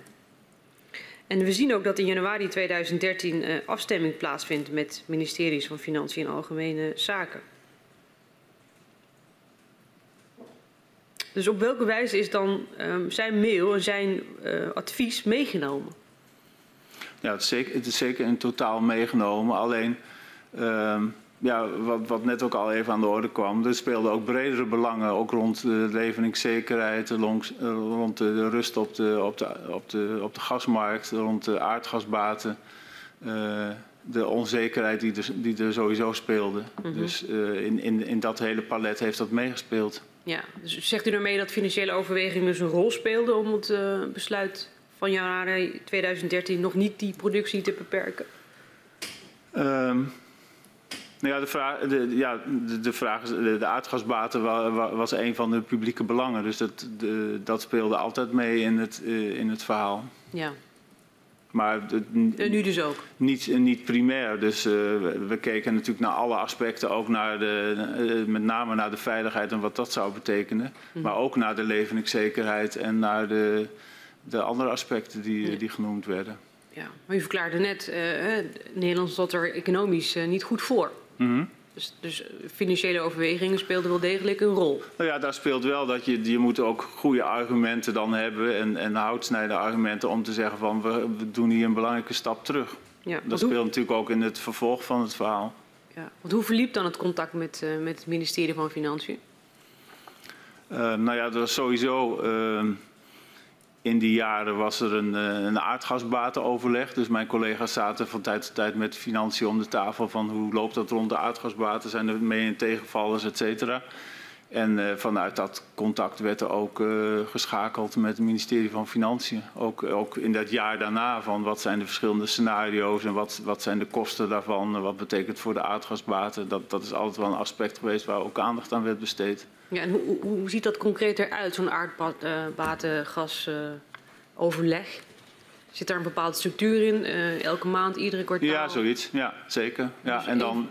Dan werden, werden de laatste, laatste batenramingen uh, werden dan, uh, werden dan besproken. En dan gaat het ook over, de, over hoe ontwikkelt de gasprijs zich, hoe, uh, hoe ontwikkelen de valuta zich. wat, wat, wat zijn de afnames onder de lange termijn contracten, dat soort, dat soort zaken. Ja, dus uw team was daarvan van op de hoogte van die ramingen en er had er regelmatig overleg over. Ja. En bij, bij, wie van financiën dan? Uh, welk onderdeel van financiën? Bij de IRF, Inspectie Rijksfinanciën. Ja, dus dat was dan uw gesprekspartner op dat vlak? Ja. Oké. Okay. Nog even terugkomend op, uh, kijk, er ligt een heel helder advies van uw toezichthouder. Uh, er zijn nieuwe feiten en inzichten ontstaan na de beving van Huizingen en een duidelijk pleidooi voor productiebeperking. Zo snel uh, als mogelijk, maar ook zo realistisch. Mm -hmm als mogelijk. De enige deskundige binnen uw departement uh, die trekt een vergelijkbare conclusie. Die zegt, uh, het is heel belangrijk om allemaal extra onderzoek te doen. Maar zolang de uitkomsten niet bekend zijn, mm -hmm. is het voorzorgsbeginsel belangrijk. En is het productiebeperking een goede maatregel. Mm -hmm. We hebben het net ook gehad over dat er potentieel 20 miljard kuub aan ruimte was uh, om mogelijk de productie in het Groningenveld terug te dringen. Stond dat u en de minister helder voor ogen toen dit besluit werd genomen? Ja. U vertelt niet dat, dat er behoorlijke oneenigheid was tussen staatstoezicht en TNO en KNMI over wat er werkelijk aan de hand was. Dus het was niet zo dat uh, dat die andere partijen die mening van staatstoezicht op dat moment ook deelden van wat er aan de hand is. Hand was. Dus, dus daar was best wel veel onzekerheid nog over, yeah. uh, over de, de opinie van staatstoezicht. NAM kon zich daar ook niet in vinden. Uh, dus het was niet een uitgemaakte zaak wat er aan de hand was. En, en wat ik net ook zei, van, ja. ook bij dat voorzorgsprincipe zou gelden dat als we de productie zouden laten terug, uh, terugsnoeien, dat dan ook niet duidelijk was wat de effecten daarvan zouden, zouden zijn. Omdat er juist geen gedeeld beeld was over de situatie uh, rond het veld. Nou, er, waren, er was een gedeeld beeld over de belangrijkste conclusies. Uh, dat er een relatie was um, ook met de productie en, en de bevingen. Dat mm -hmm. de maximale magnitude ook niet meer gold. dat het belangrijk was om extra onderzoek te doen. Uh, waar de onenigheid over was, was de vraag, uh, en er was een indicatie op gegeven, notabene op verzoek van economische zaken, ja, hoe ver zou je dan uh, de productie moeten terugbrengen? En de alternatieve theorie die werd geponeerd was, ja, dat zou hooguit een vertraagde film opleveren. Mm -hmm. Maar dan nog is het de vraag, waarom in het jaar na die winning niet tijd werd gekocht, omdat er zoveel onderzoek moest worden gedaan, om in ieder geval iets aan de productie te doen? Nou ja, daar hebben die de andere overwegingen hebben daar een rol bij gespeeld, uh, die net aan de orde zijn geweest. En ook de onzekerheid over wat er precies zou gebeuren uh, rond het veld als je, als je die produ productie zou terug, uh, terugbrengen. Wat dat met, met, het, met het risico zou hebben gedaan. In diezelfde ik, ik, moet, ik moet zeggen, we, we verkeren behoorlijk in, in onzekerheid, omdat, en het was ook een hele ongemakkelijke positie. als je, als je, als je op een punt komt dat je weet dat er iets aan de hand is en dat het ernstig is, maar dat je niet precies weet wat het is. Um, en dan moet je dus ook opletten dat je niet een besluit neemt wat de situatie eventueel nog zou kunnen verergeren. In diezelfde uh, periode, uh, waarin dus besloten wordt in januari 2013 uh, dat er geen productiebeperking wordt doorgevoerd, is de maand daarvoor het businessplan van Gesterra voor het jaar 2013 al goedgekeurd door de Raad van Commissarissen, waar u ook lid van bent. Mm -hmm. uh, de prognose is dan dat er 48,9 miljard kubieke meter aan Groningen gas zal worden gewonnen. Ja. Wat vond u in het licht van wat we ja, al besproken hebben over de risico's van dit businessplan? Um, nou ja, dat businessplan dat dat paste in, uh, binnen het plafond wat was afgesproken. Ik heb toen zelf de opmerking gemaakt dat er wel zo vlak mogelijk geproduceerd moest worden. Maar er was op dat moment geen titel om dat, uh, dat businessplan uh, niet goed te keuren. en bovendien was al het grootste deel van het volume was al gecontracteerd in, in, in oktober, zeg maar. Dus, ja, dus wat dat betreft was het al voor een belangrijk deel gebeurd. Um, hoe worden vervolgens, uh, uh, ja, hoe wordt die productie gevolgd? Krijgt het ministerie wekelijks, maandelijks productiecijfers over wat er in dat gasjaar gebeurt? we hebben in, um, in mei, juni hebben we voor het eerst gehoord dat de productie nog was toegenomen, ja. bovenop die 48,9. Dus u kreeg niet regelmatig... Wij weten niet, nee. nee. U wordt uh, ergens pas na het eerste kwartaal uh, geïnformeerd. In deze situatie, uh, ja. ja. ja. Er was dus ook geen sprake van dat de minister informatie kreeg regelmatig over hoe het stond met de productie. Nee. Nee. Ja, dit, toch, het, het, toch heeft een van de getuigen dat wel verklaard. Ja, maar dat, dat klopt niet. Dat klopt niet. Nee. Nee, want het gasgebouw is natuurlijk toch in die zin, en er is later ook een rapport over verschenen van top, ABD Top Consult. Uh, het, het, is een, natuurlijk, je, je, zit met, met uh, private partijen in een soort uh, PPS, een, een handelsbedrijf. Ja. Waar een, een, een lid van gedelegeerde commissarissen ook een, ja, een private rol speelt. En ook vanuit het vennootschapsrecht een. Ja een, een spe specifieke rol speelt. Hè? Ja. Dus een commissaris kan strikt genomen niet zomaar een aanwijzing van de minister krijgen binnen ja. dat vennootschapsrecht. Dus het is best een gevoelige, gevoelige verhouding. En de vraag is dan van ja, hoe intensief is dat contact? Maar het, het was niet zo dat we, dat we wekelijks met productiecijfers bij de minister zaten. Heeft u zelf nog overwogen in die periode, omdat u ja, zeg maar goed op de hoogte was van alle trajecten die liepen, om de besluitvorming over het businessplan misschien een maand uit te stellen? Uh, zodat de besluitvorming over alle bevindingen naar Huizingen mm. was voltooid. Uh, heeft u dat nog overwogen? Nee, dat speelde op dat moment niet. Nee. Helemaal niet? En, nee.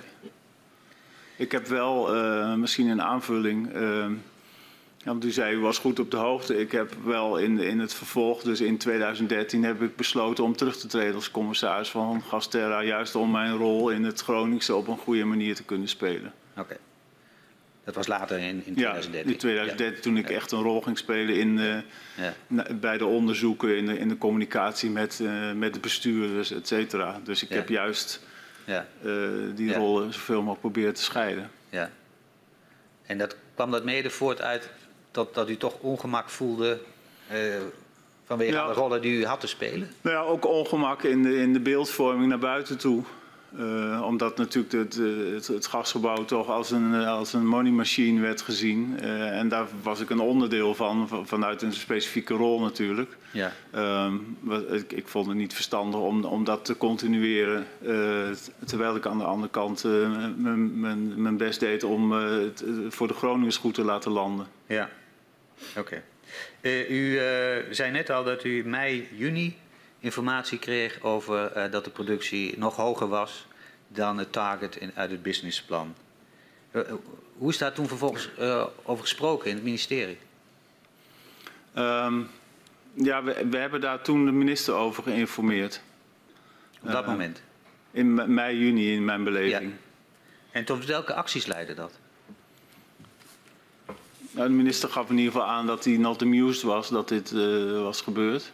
Ja. Um, maar er zijn geen, geen acties geweest om. Uh, het, het, het, het, het was ook al uh, mei, juni, dan uh, ja, koersje op de zomer. Dus ja, eigenlijk was het, was het ook al het kwaad al geschiet. Hè? Het komt ook vooral door de, de koude periode die aan het begin van het jaar was geweest. Ja.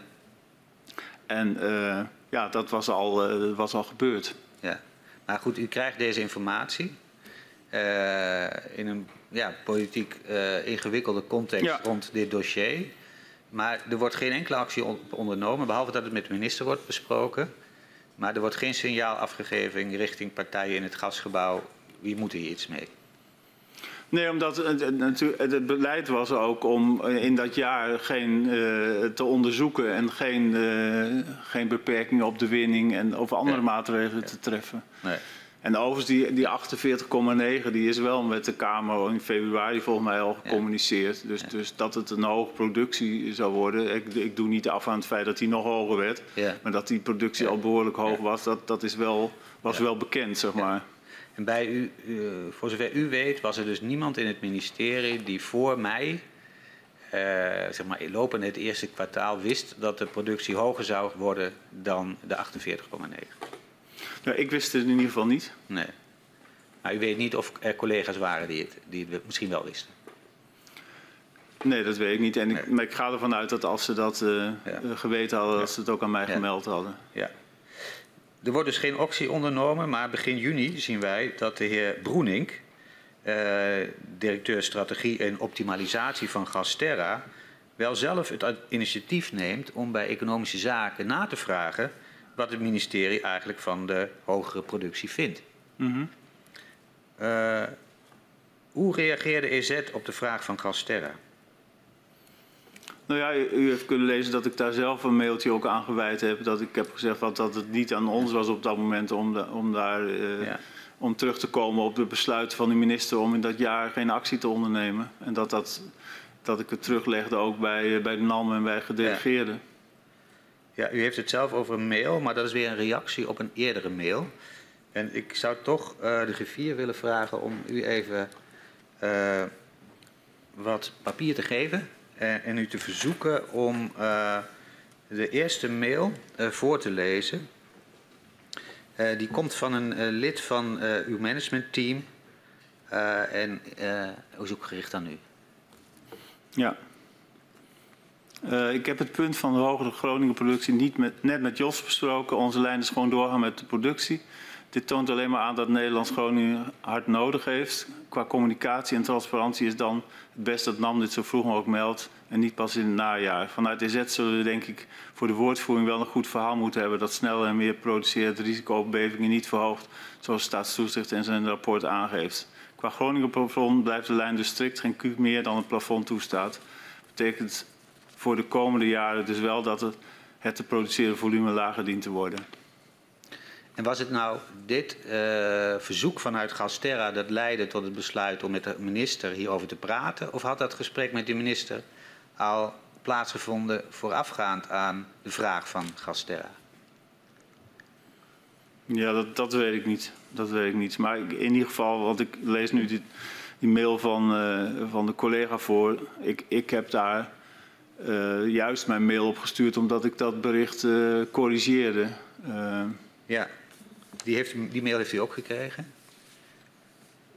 krijg- Nou ja, het is, Ja, mijn, eigen, krijgt u. ma- het is mijn eigen mail, dus Ja, die, eh, ja, maar sorry. die ken ik nog wel. Ja, maar lees die, die mail ook even voor.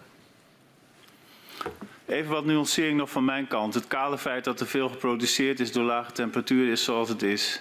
Daar moet helder over gecommuniceerd worden. Hoe dit verder past in de uitvoering van het businessplan is mede ter beoordeling aan, de, aan het college van gedelegeerden. Het enige wat ik zou zeggen is dat die kouperiode op zichzelf geen reden zou zijn om de kraan nu wat dicht te draaien. Maar hoe qua productie, hoe NAM qua productie anticipeert op het bevingsdossier laat ik graag aan NAM en de maatschap. Ja. Ja. Dan wil ik toch op een paar punten even met u eh, doorspreken. Eh, allereerst even die laatste zin die u dan schrijft. Maar hoe NAM qua productie anticipeert op het bevingendossier laat ik graag aan NAM en de maatschap over. Ehm, is er niet ook een separate verantwoordelijkheid van het ministerie zelf op het moment dat die hogere winning wordt geconstateerd om te overwegen of er een stap nodig is? Jazeker, maar de minister had al besloten dat hij die stap niet zou zetten in dat jaar. Dus niet, Ja. niet eh, de productie terug zou schroeven. En Ja. het was aan NAM, als NAM Ja. om Ja. eigen overwegingen dat, dat wel had gewild, dan had dat Ja. gekund. Maar zoals ik u nu nog begrijp, dan had de minister dus voorafgaand aan het verzoek van Gasterra al het besluit genomen om niet in te grijpen. Of doet u nu weer op het besluit uit januari? Besluit van januari. Ja. Dus, maar heeft u dan separaat nog hierover gesproken met de minister? Dat de productie nog hoger was dan verwacht en Ja. hoe zich dat verhield met eh, nou ja, alles wat er speelde? Ja, de, de, minister is geïnformeerd over dat de productie hoger werd. En in oktober is hij ook door, eh, door de olies daarover, eh, oktober 2013 daarover Ja. geïnformeerd. Ja. Kijk, er is wel een verschil tussen een actief besluit om de productie hè, substantieel terug te schroeven en eh, voorkomen dat er nog meer wordt gewonnen dan eh, gepland. Bent u dat met mij eens? Nou ja, dit, eh, op, op zich is dat. ehm, in, in normale omstandigheden is, is een uitloop van, van het businessplan omdat er eh, eh, koude dagen zijn of, of andere overwegingen zijn, is, is niet, niet vreemd natuurlijk. Nee. Eh, Nee. Maar en goed, en zit- daar, daar was juist dat Groningen plafond ervoor bedoeld dat dat niet Ja. de spuigaten uit zou lopen. Ja, ja. Maar we zitten nog in het voorjaar.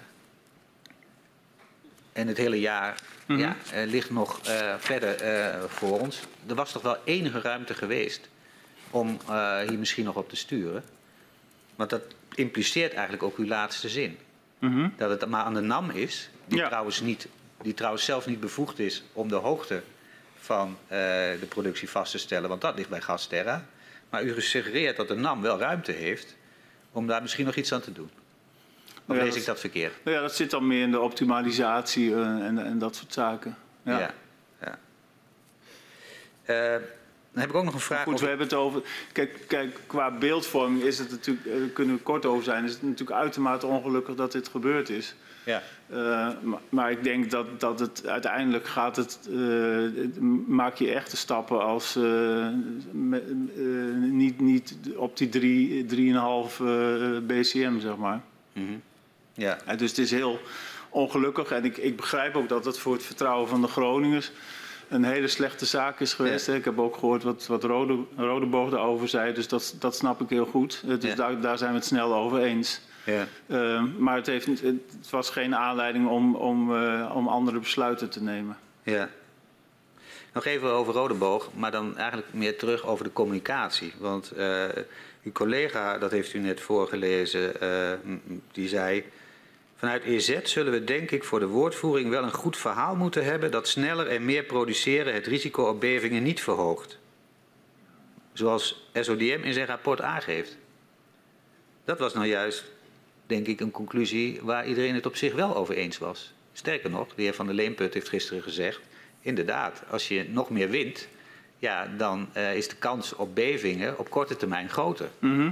En dan lees ik hier dat iemand voorstelt om een goed verhaal te maken... om te zeggen dat het niet het geval is. Mhm. Hoe kan Ja. dat? Ja, dat is dan voor rekening van die iemand. Ja. Maar ik zie niet dat u in uw reactie daar eh, afstand van neemt... maar alleen maar zegt, ja, daar moet helder over gecommuniceerd worden. Ja. Wat bedoelde u Dat daar dan mee? Ja, dat er geen, geen stommetje gespeeld moest worden over wat de reden daarvan was, van die, van die hogere winning. Ja. En is er gecommuniceerd? Uh, ja, Proactief, hè?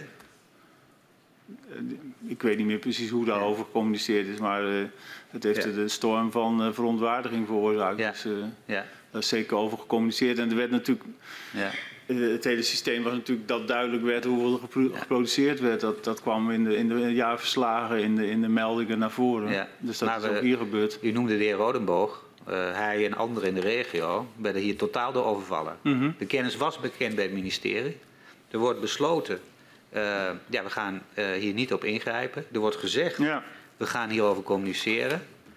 Maar de regio die het betreft, ja, die moet het uit de media vernemen. Ja, dat, dat is te betreuren. Dat is te betreuren. Ik, ik heb in het vervolgtraject van mijn betrokkenheid eh, met het Gronings ook juist geprobeerd om, om dat soort communicatieproblemen te voorkomen. Dus dit, dit is alleen maar te betreuren.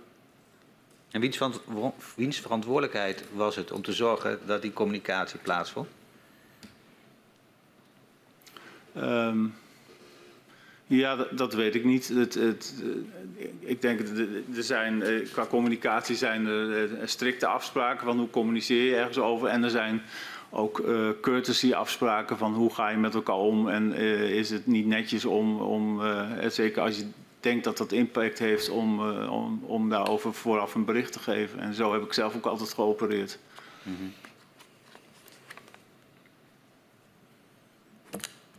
En de minister die heeft ook niet zelf aangedrongen op, ja, als we dan niet ingrijpen, we moeten wel zorgen dat we de regio en de regiobestuurders daarop voorbereiden. Ja, dat heeft, dat heeft altijd centraal gestaan in, eh, in, de, in ons handelen, zeg maar. Maar in dit geval is dat, eh, is dat niet gebeurd. En daarom zei ik ook dat het te betreuren is. Ja. Oké, we zijn eh, ruim anderhalf uur bezig. Ik stel voor dat we even schorsen. En ik verzoek de griffier om u en uw steunverlener even naar buiten te begeleiden. Dank u.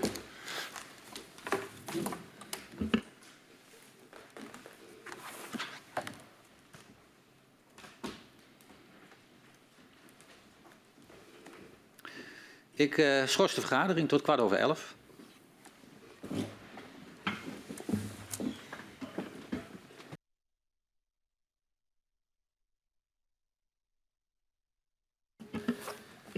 Ik eh, heropen eh, de vergadering van de parlementaire enquêtecommissie aardgaswinning Groningen.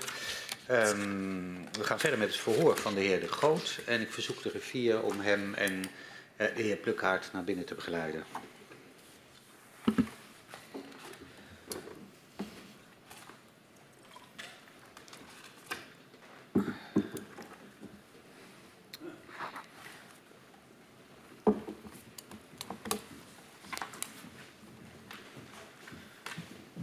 Zo. Goed, we gaan weer verder. En ik geef het woord aan mevrouw Kat. Ja. Eh, minister Kamp kondigt dus in januari 2013 een reeks onderzoeken aan. Hoe werden die onderzoekvragen bepaald? Ehm, die werden voor, door ons zelf bepaald, maar ook in samenspraak met, eh, met de partijen die die onderzoeken gingen uitvoeren. Ehm, en we hebben toen ook al eh, snel een, eh, een stuurgroep eh, ingesteld onder leiding van Tanja Klip, die ook naar de opdrachten heeft gekeken ehm, en die gevalideerd heeft. Ja. En wat was dan de kernvraag waar, eh, waar men antwoord op wilde krijgen? Eh, nou ja, er- was een heel, een heel palet van, eh, van onderzoeken over verschillende deelonderwerpen, zeg maar. En er kwamen ook nog eh, in het vervolg, het waren afhankelijk elf, er kwamen er nog een aantal bij eh, in het loop van het traject. Maar het ging, het ging vooral over ja, wat is er in de, in de, in de ondergrond aan de hand. Eh, wat, wat zijn de gevolgen voor de bovengrond? Wat zijn de risico's? Hoe ver kunnen we terug in de, in de productie? Gegeven ook de, de gasmarkt en de leveringszekerheid. Eh, zijn er alternatieve winningsmethoden die tot minder, minder risico's leiden? Eh, de hele kant van, eh, van de leefbaarheid. Wat kan er gedaan worden om ook de leefbaarheid in het gebied te vergroten?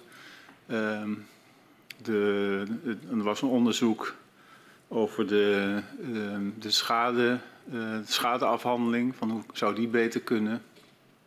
Kortom, het was een heel, heel breed, breed palet van, uh, van onderwerpen om alle aspecten ook, uh, ook op te pakken. En vooral ook om ehm, de versterkingsoperatie zat natuurlijk in het bovengrondse stuk. van hoe kunnen we daar zo snel mogelijk meters maken en hoe kunnen we zo snel mogelijk tot tot een norm komen voor, voor bouwen en versterken. Ja. U zegt net een uh, breed palet aan, palet aan, aan, aan vragen, mm -hmm. aan onderzoeksvragen, maar er was niet een soort kernvraag van veilig wonen in Groningen. Ja, dat was natuurlijk de, de, de onderliggende vraag van hoe kan de veiligheid van de Groningers uh, vergroot worden. Hoe, hoe, kunnen we ook een helder beeld krijgen van wat is er nu aan de hand en wat is het toekomstperspectief en hoe kunnen we daar zo goed mogelijk op inspelen. Um, en ook van hoe kunnen we uh, het gebied verder, verder helpen om uh, de leefbaarheid te vergroten. Dus ook om perspectieven voor de toekomst te bieden. Ja. U zei net dat een aantal onderzoeksvragen door andere partijen werden bepaald. We zien ook dat, dat een aantal onderzoeken uitgevoerd worden door de uitvoerende organisaties zelf. En dan hebben we het dus over NAM, die ja. doet een aantal onderzoeken, maar ook Gasterra. Um, u had het net over die commissie, maar um, onder leiding van uh, mevrouw, ik ben haar naam even kwijt, maar hoe werd die onafhankelijkheid gewaarborgd? Hoe concreet? Ja, er werden ook uh, reviews op gedaan op die, op die onderzoeken door externe. Mm -hmm. En er werd door die stuurgroep nagekeken uh, of, of die, die onderzoeken uh, aan, aan uh, alle normen en onafhankelijkheid voldeden. Maar we hebben dus een aantal partijen gevraagd die ook verantwoordelijk waren. Bijvoorbeeld Gasterra, GasUnie voor, voor hun stuk van het verhaal en, en NAM ook voor, voor de zaken waar zij verantwoordelijk voor waren. Ja, zegt u ermee dat die onafhankelijkheid gewaarborgd was door die wetenschappelijke reviews? Ja, onder andere. Ja. Onder andere, ja. En wat was dan uw eigen rol bij deze onderzoeken? Uh, nou, vooral ook om, om te zorgen dat, uh, dat er voortgang was. Mm -hmm. door, door uh, als het nodig was met partijen te praten om, om te kijken of, of die onderzoeken ook, uh, ook voortgang hadden en op tijd af waren. En uh, de andere kant was ook om de, om de regio goed te informeren over de voortgang van de onderzoeken. Ja. Was u hierin ook een facilitator? Ja. Okay. Nou, ik ben veel. Uh, ik denk dat ik in ieder geval één keer per twee weken in, uh, met bestuurders sprak over, uh, dus zowel van provincie als de gemeente. Ja. onder andere burgemeester Rodeboog over de verschillende onderzoeken, wat de voortgang was, wat de verwachte resultaten waren. Ja. Ja. om ze mee te nemen. Daarnaast waren er nog een heleboel gesprekken met bewoners over specifieke onderwerpen, bijvoorbeeld over de de daling van de huizenprijzen uh, en de onderzoeken die daar gedaan werden. Mm -hmm. En waar van tijd tot tijd ook meldingen over kwamen. Dat, dit, dat is dan op, op uh, incidentele basis steeds met, uh, met de be bewoners ook gewisseld. Ja. Um, de onderzoeken gaan veelal over de risico's in de ondergrond. We zien dat, dat de projectleider die wordt aangesteld om die onderzoeken dus te coördineren, die, vraagt zich af of het perspectief van inwoners wel voldoende aan bod komt. Waarom werd er in die onderzoeken niet meer aandacht aan besteed? Wat bedoelt u met perspectief van de bewoners? Nou, het perspectief van de bewoners uh, als in de zin van um, hun gedachtegoed over uh, wat doet het uh, gasproductie, gaswinning, ons leven, leefbaarheid in, in Groningen. Um, de beleving van mensen die er wonen. Ja, nou ja, dat, dat hebben we natuurlijk ook geprobeerd om dat uh, op te pakken met, met uh, allerlei partijen, met de provincie in die dialoogtafel, om dat meer te betrekken. Uh, mm -hmm. Want ook daar is, is dan teruggekoppeld over die onderzoeken. Ja, maar het klopt toch dat die leefbaarheidsonderzoeken niet eerst in eerste instantie onderdeel waren van die onderzoeken? Jawel, dat zat van begin af aan in het, in het verhaal. Wel vanaf het begin af aan. Dus de ja. eerste 14 onderzoeken, daar was daar een onderdeel Ja, daar zat hij bij, ja. ja. Het exacte nummer weet ik niet meer, maar uh, zeker, ja. ja. Welke inzichten leverde dat, uh, dat op eigenlijk, wat u een jaar eerder niet, niet wist? Al die onderzoeken. Nou, er zijn, er zijn behoorlijk uh, slagen ook gemaakt, terwijl ook nog onzekerheid resteerde over wat er in de ondergrond gebeurde, uh, waar toch staatstoezicht uh, behoorlijk gelijk kreeg, zeg maar, dat ook de kracht van de bevingen in de tijd zou kunnen, kunnen toenemen. Ja.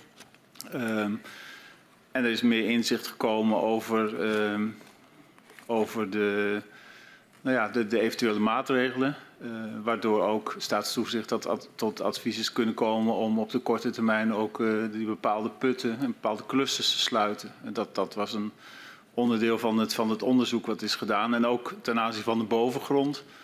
Dus wat, wat zijn de gevolgen voor, voor de huizen? Uh, en hoe kunnen we, hoe kunnen we versterken? Daar, is ook, er zijn ook belangrijke stappen gezet. Ook dat verhaal rond de grondversnellingen, et cetera. Mm -hmm. dus, dus, uh, en ook uh, ja, de kwetsbaarheid van bepaalde type huizen voor, de, voor de bevingen. Dus daar is veel, uh, veel informatie naar boven gekomen. En tegelijkertijd is ook aangegeven dat er ook nog heel veel onzeker was. Ja.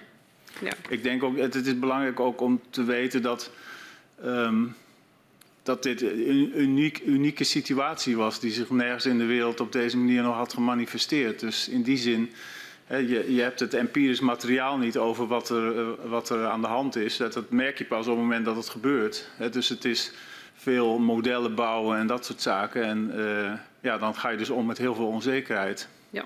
ja, want die onzekerheid, dat constateert ook de voorzitter van de TCBB in januari 2014. Dat er eigenlijk na een jaar onderzoek eigenlijk nog steeds niks weten. Nou ja, niks. Ik ben niet eens met die niks. opvatting? Nee, nee, wel meer, maar... maar uh, ja, het, je bouwt een model niet zomaar in een paar weken. Hè, dus uh, dat kost allemaal tijd. Ja. Maar ik denk wel, ik, ik vind dat er belangrijk, belangrijk meer informatie op tafel is gekomen. En dat we ook uh, een, breed, uh, een breed verhaal hadden over, over de, de risico's. Hè. Dus, dus niet alleen maar het ondergrondse verhaal, maar ook het bovengrondse verhaal. Ja. bijvoorbeeld rond de, de, de, waterschappen, de risico's rond dijken, et cetera. Mm -hmm. Ja. Daar, daar, is veel, ook dat er achterstallig onderhoud was. Uh, dus dat is, dat is wel duidelijk gebleken. Dus daar zijn de risico's ook verminderd. Maar als u zegt uh, het kost tijd, heeft u in 2013 tijd um, ja, dat het zeg maar eigenlijk sprake is van tijd kopen?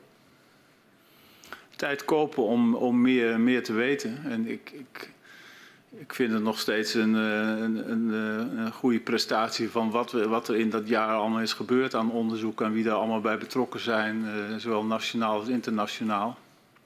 Ja. Dat was een enorme sprint. Ja, um, we hadden het net over dus die onderzoeken, maar het klopt toch dat de eerste elf onderzoeken daar leefbaarheid geen onderdeel van uit was. Het was namelijk het twaalfde onderzoek en uiteindelijk werden het veertien. Dat weet ik niet meer. Ik, ik weet dat want we waren in, intern ook al langer met de, met de leefbaarheid bezig. Uh, omdat we vonden dat dat een belangrijk uh, aspect was. Dus ik, ik, ik heb zo niet paraat of het nou nummer 12 of nummer 6 was. Ja, uh, wij wel. Het was nummer 12. Oké. Okay. Ja. Nou ja, het, het, laat ik dan nogmaals benadrukken dat die leefbaarheid voor ons erg belangrijk was. En die kwam natuurlijk ook naar voren in dat bestuursakkoord. Daar komen we zo op terug. Ja. ja. Um, in de laatste maanden van 2013 is er tussen NAM, SRM en Economische Zaken nog discussie over de vraag uh, welk risiconiveau eigenlijk acceptabel is. En NAM concludeert dat het risiconiveau acceptabel is. Waarop was deze conclusie van NAM gebaseerd? Nou ja, het, het, het punt is, er was natuurlijk geen risicobeleid. Mm -hmm. uh, dus dat, dat uh, ik, ik, weet niet precies waar NAM dat op baseerde, maar uh, het was in ieder geval duidelijk dat staatstoezicht daar niet mee eens was. Um, wij hebben ook het onderzoek door uh, professor Helfsloot laten doen over risico. Um, nou, dat werd ook niet heel erg enthousiast ontvangen. Um, uh, omdat het vrij, vrij techno technocratisch omging met risico. En, en, daar was dus uh, een van de, van de aanbevelingen in het vervolgtraject was dus ook van ja, maak nou een, een, een risicobeleid waar iedereen mee kan, kan leven. Ja. ja. Maar was dan het niveau acceptabel en werd, werd die mening zeg maar gedeeld door het ministerie? Nou, het niveau was niet acceptabel, want, want uh, er zijn maatregelen getroffen om het risico te verminderen. Dus uh, door, door bepaalde clusters te sluiten. Ja, dus eigenlijk, maar u zei ook net, er was eigenlijk geen risicobeleid. er was niet een duidelijk risicobeleid. Nee, dat, dat, uh, de staatstoezicht had wat betreft risico's ook geen, geen norm om aan te toetsen, zeg maar. Mm -hmm. Oké. Okay. Maar uh, de heer De Jong verklaarde dat zij hun inzichten op dat punt uh, ook aan het RIVM hadden voorgelegd. en dat ook het RIVM daarna gekeken heeft en tot vergelijkbare inzichten kwam. Klopt dat? Dat zou kunnen, ja. ja. De heer De Jong gaf ook aan dat hij zich toch wel stoorde aan het feit dat de stuurgroep ja, ook meningen had over uh, het onderwerp uh, productieverlaging. Herkent u dat? Nou ja, in de stuurgroep zaten natuurlijk ook mensen die van, van uh, verstand hadden van zaken. Dus dat daar dat daar ook een mening bestond. Uh, ik, we zaten in het traject waar, waarin alle meningen belangrijk waren en uiteindelijk de minister de afweging moest maken. Uh, maar uh, ook. ook... De, de, de, rol van een stuurgroep is toe te zien op de onafhankelijkheid, toch niet om zelf posities in te nemen? Nou, de, de stuurgroep heeft, als u, als u de stukken leest, heeft ook een advies gegeven over wat er zou moeten gebeuren. Ja. Uh, nou ja, het, het is natuurlijk begrijpelijk dat daar ook de opinie van, uh, van deskundigen in zit. En die zaten ook voor een deel in de stuurgroep. He, dus het is eigenlijk een dubbele, dubbele rol. Uh, de, het kijken naar de onderzoeken, die waren zoals, uh, zoals ze waren. Ja. En vervolgens een advies vanuit de stuurgroep. Ja. Had het ontbreken van een echt risicobeleid, zoals u dat noemt, was dat een verklaring voor het feit dat het ook niet duidelijk was welk gewicht moest worden toegekend aan de mening van welke autoriteit? Nou ja, u noemt RIVM. Uh, eh, het, het, was een, uh, uh, het was gewoon een punt van discussie van hoe moet je dat, hoe, hoe moet je dat invullen. En dat was op dat moment nog niet beslecht. Na het onderzoeksjaar 2013 dient NAM eind 2013 een nieuw winningsplan in.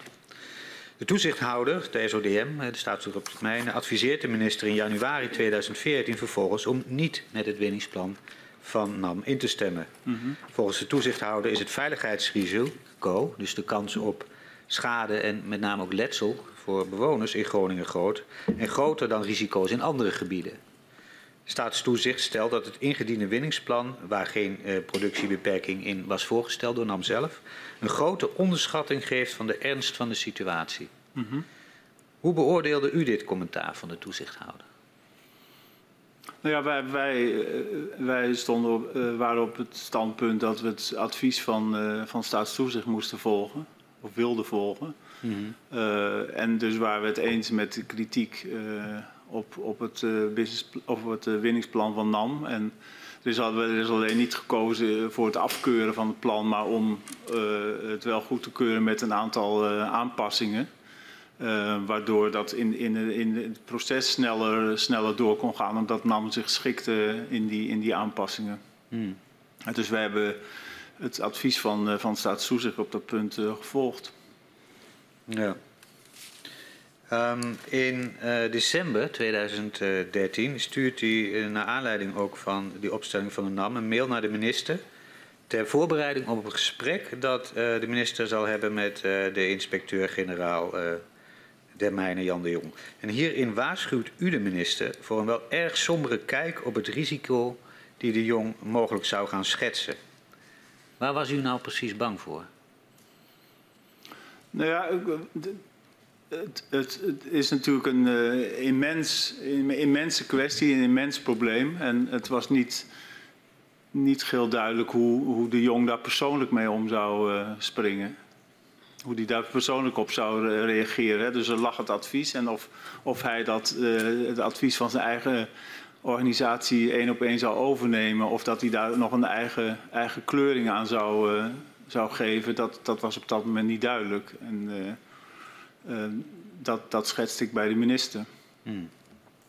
Kunt u dan... De, Jong heeft later, later ook in de, in de media aangegeven dat er voor, voor de stad Groningen een immense ramp dreigde. En, en dat, soort, dat soort uitlatingen die um, nou ja, tot heel veel onrust uh, zouden aanleiding kunnen geven. Maar dat was pas een stuk later in de tijd. Dat was later, maar dat, dat was wel dezelfde vrees die ik ja. had. Ja. Kunt u ons uitleggen wat het verschil is in de, in de risicobenadering die uh, staatstoezicht op dat moment had, uh, de NAM en uh, die van de professor Helsloot, die een andere, hè, de NAM en Helsloot zaten op een andere lijn dan toezicht. Waar zat hem dat nou in? Wat was het kern van het verschil van inzicht? Um, ja, dat onder andere van hoe je, hoe je met de, de, de P90, de P98 moet omgaan. Ja. Uh, en, en ook bij Helsloot het punt van ja, hoe weeg je die, dat risico ten opzichte van andere risico's. Hè? Helsloot heeft ook wel aangegeven van het is nog steeds gevaarlijker als kind om op straat in Loppersum te spelen dan het risico van de aardbevingen. Ja. Um, ja, daar kan je op een bepaalde manier naar kijken. Uh, en, en, en, dat was ja, toch wel omstreden. Ja. Maar daar was niet een, een, een, een, een, een, eh, een duidelijk beleid of een lijn voor. Tegelijkertijd, dat hebben uh, uh, volgens mij ook mevrouw Muntendam aangegeven, moest zij uh, de heer Helsloot bijpraten over dit hele terrein. Want hij had geen specifieke expertise op het terrein van aardbevingen en risico's, maar was zeg maar, veel breder uh, ja. hè, onderlegd op, op risicobeleid in algemene zin. Mm -hmm. ja. uh, we hebben ook gehoord dat een, een P98-norm uh, gehanteerd wordt in, in Californië, waar veel bevingen voorkomen. Mm -hmm. Het was niet zomaar zeg maar, iets dat door het SODM was bedacht. Internationaal bestond die norm.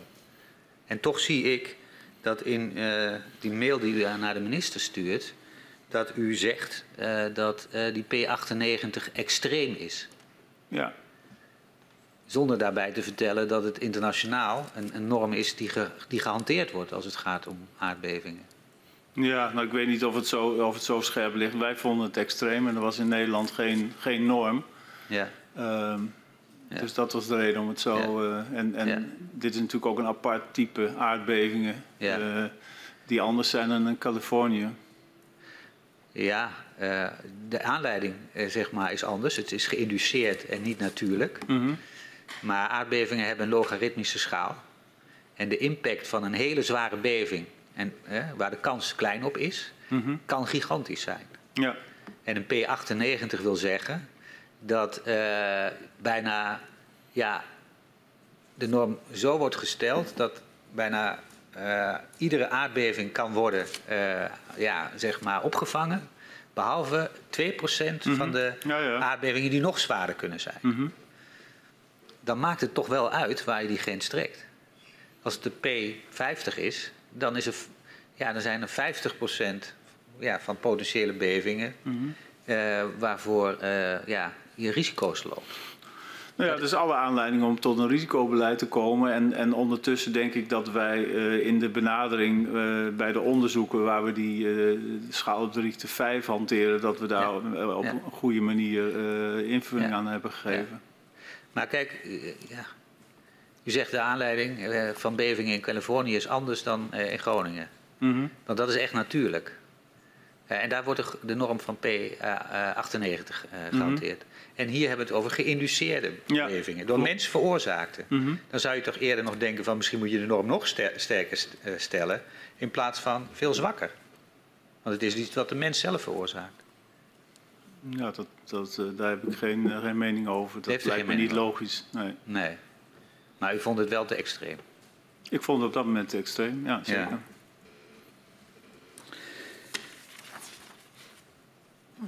Um, we zagen ook uh, dat de heer De Jong vond dat hij uh, ja, toch het gevoel kreeg dat hij uh, werd weggezet als, als roepende in de woestijn. begrijpt u dat? Um, nee, dat begrijp, ik heb het wel zien gebeuren, zeg maar, maar ik heb, het, ik heb dat niet zo. ik ben het daar niet, niet mee eens. Ik denk dat wij op een goede manier en een constructieve manier uh, steeds met staatstoezicht zijn omgegaan. Dat was ook uh, de, de historie die we hadden. Uh, en daar in die lijn zijn we ook verder gegaan. En ook in het, in het overnemen van het advies van staatstoezicht in januari 2014. Dus ik, ik en hij had ook een goede toegang tot de minister, et cetera. Dus volgens mij is er altijd goed, goed naar ze geluisterd. Ja, toch verklaart hij andere dingen bedoel, hij erkent dat de relatie goed was uh, tot Huizingen. Uh, en daarna noemde hij de relatie ook met u zeer gespannen. Uh, u zou onder meer boos hebben geuit dat staatstoezicht te veel anti-NAM was.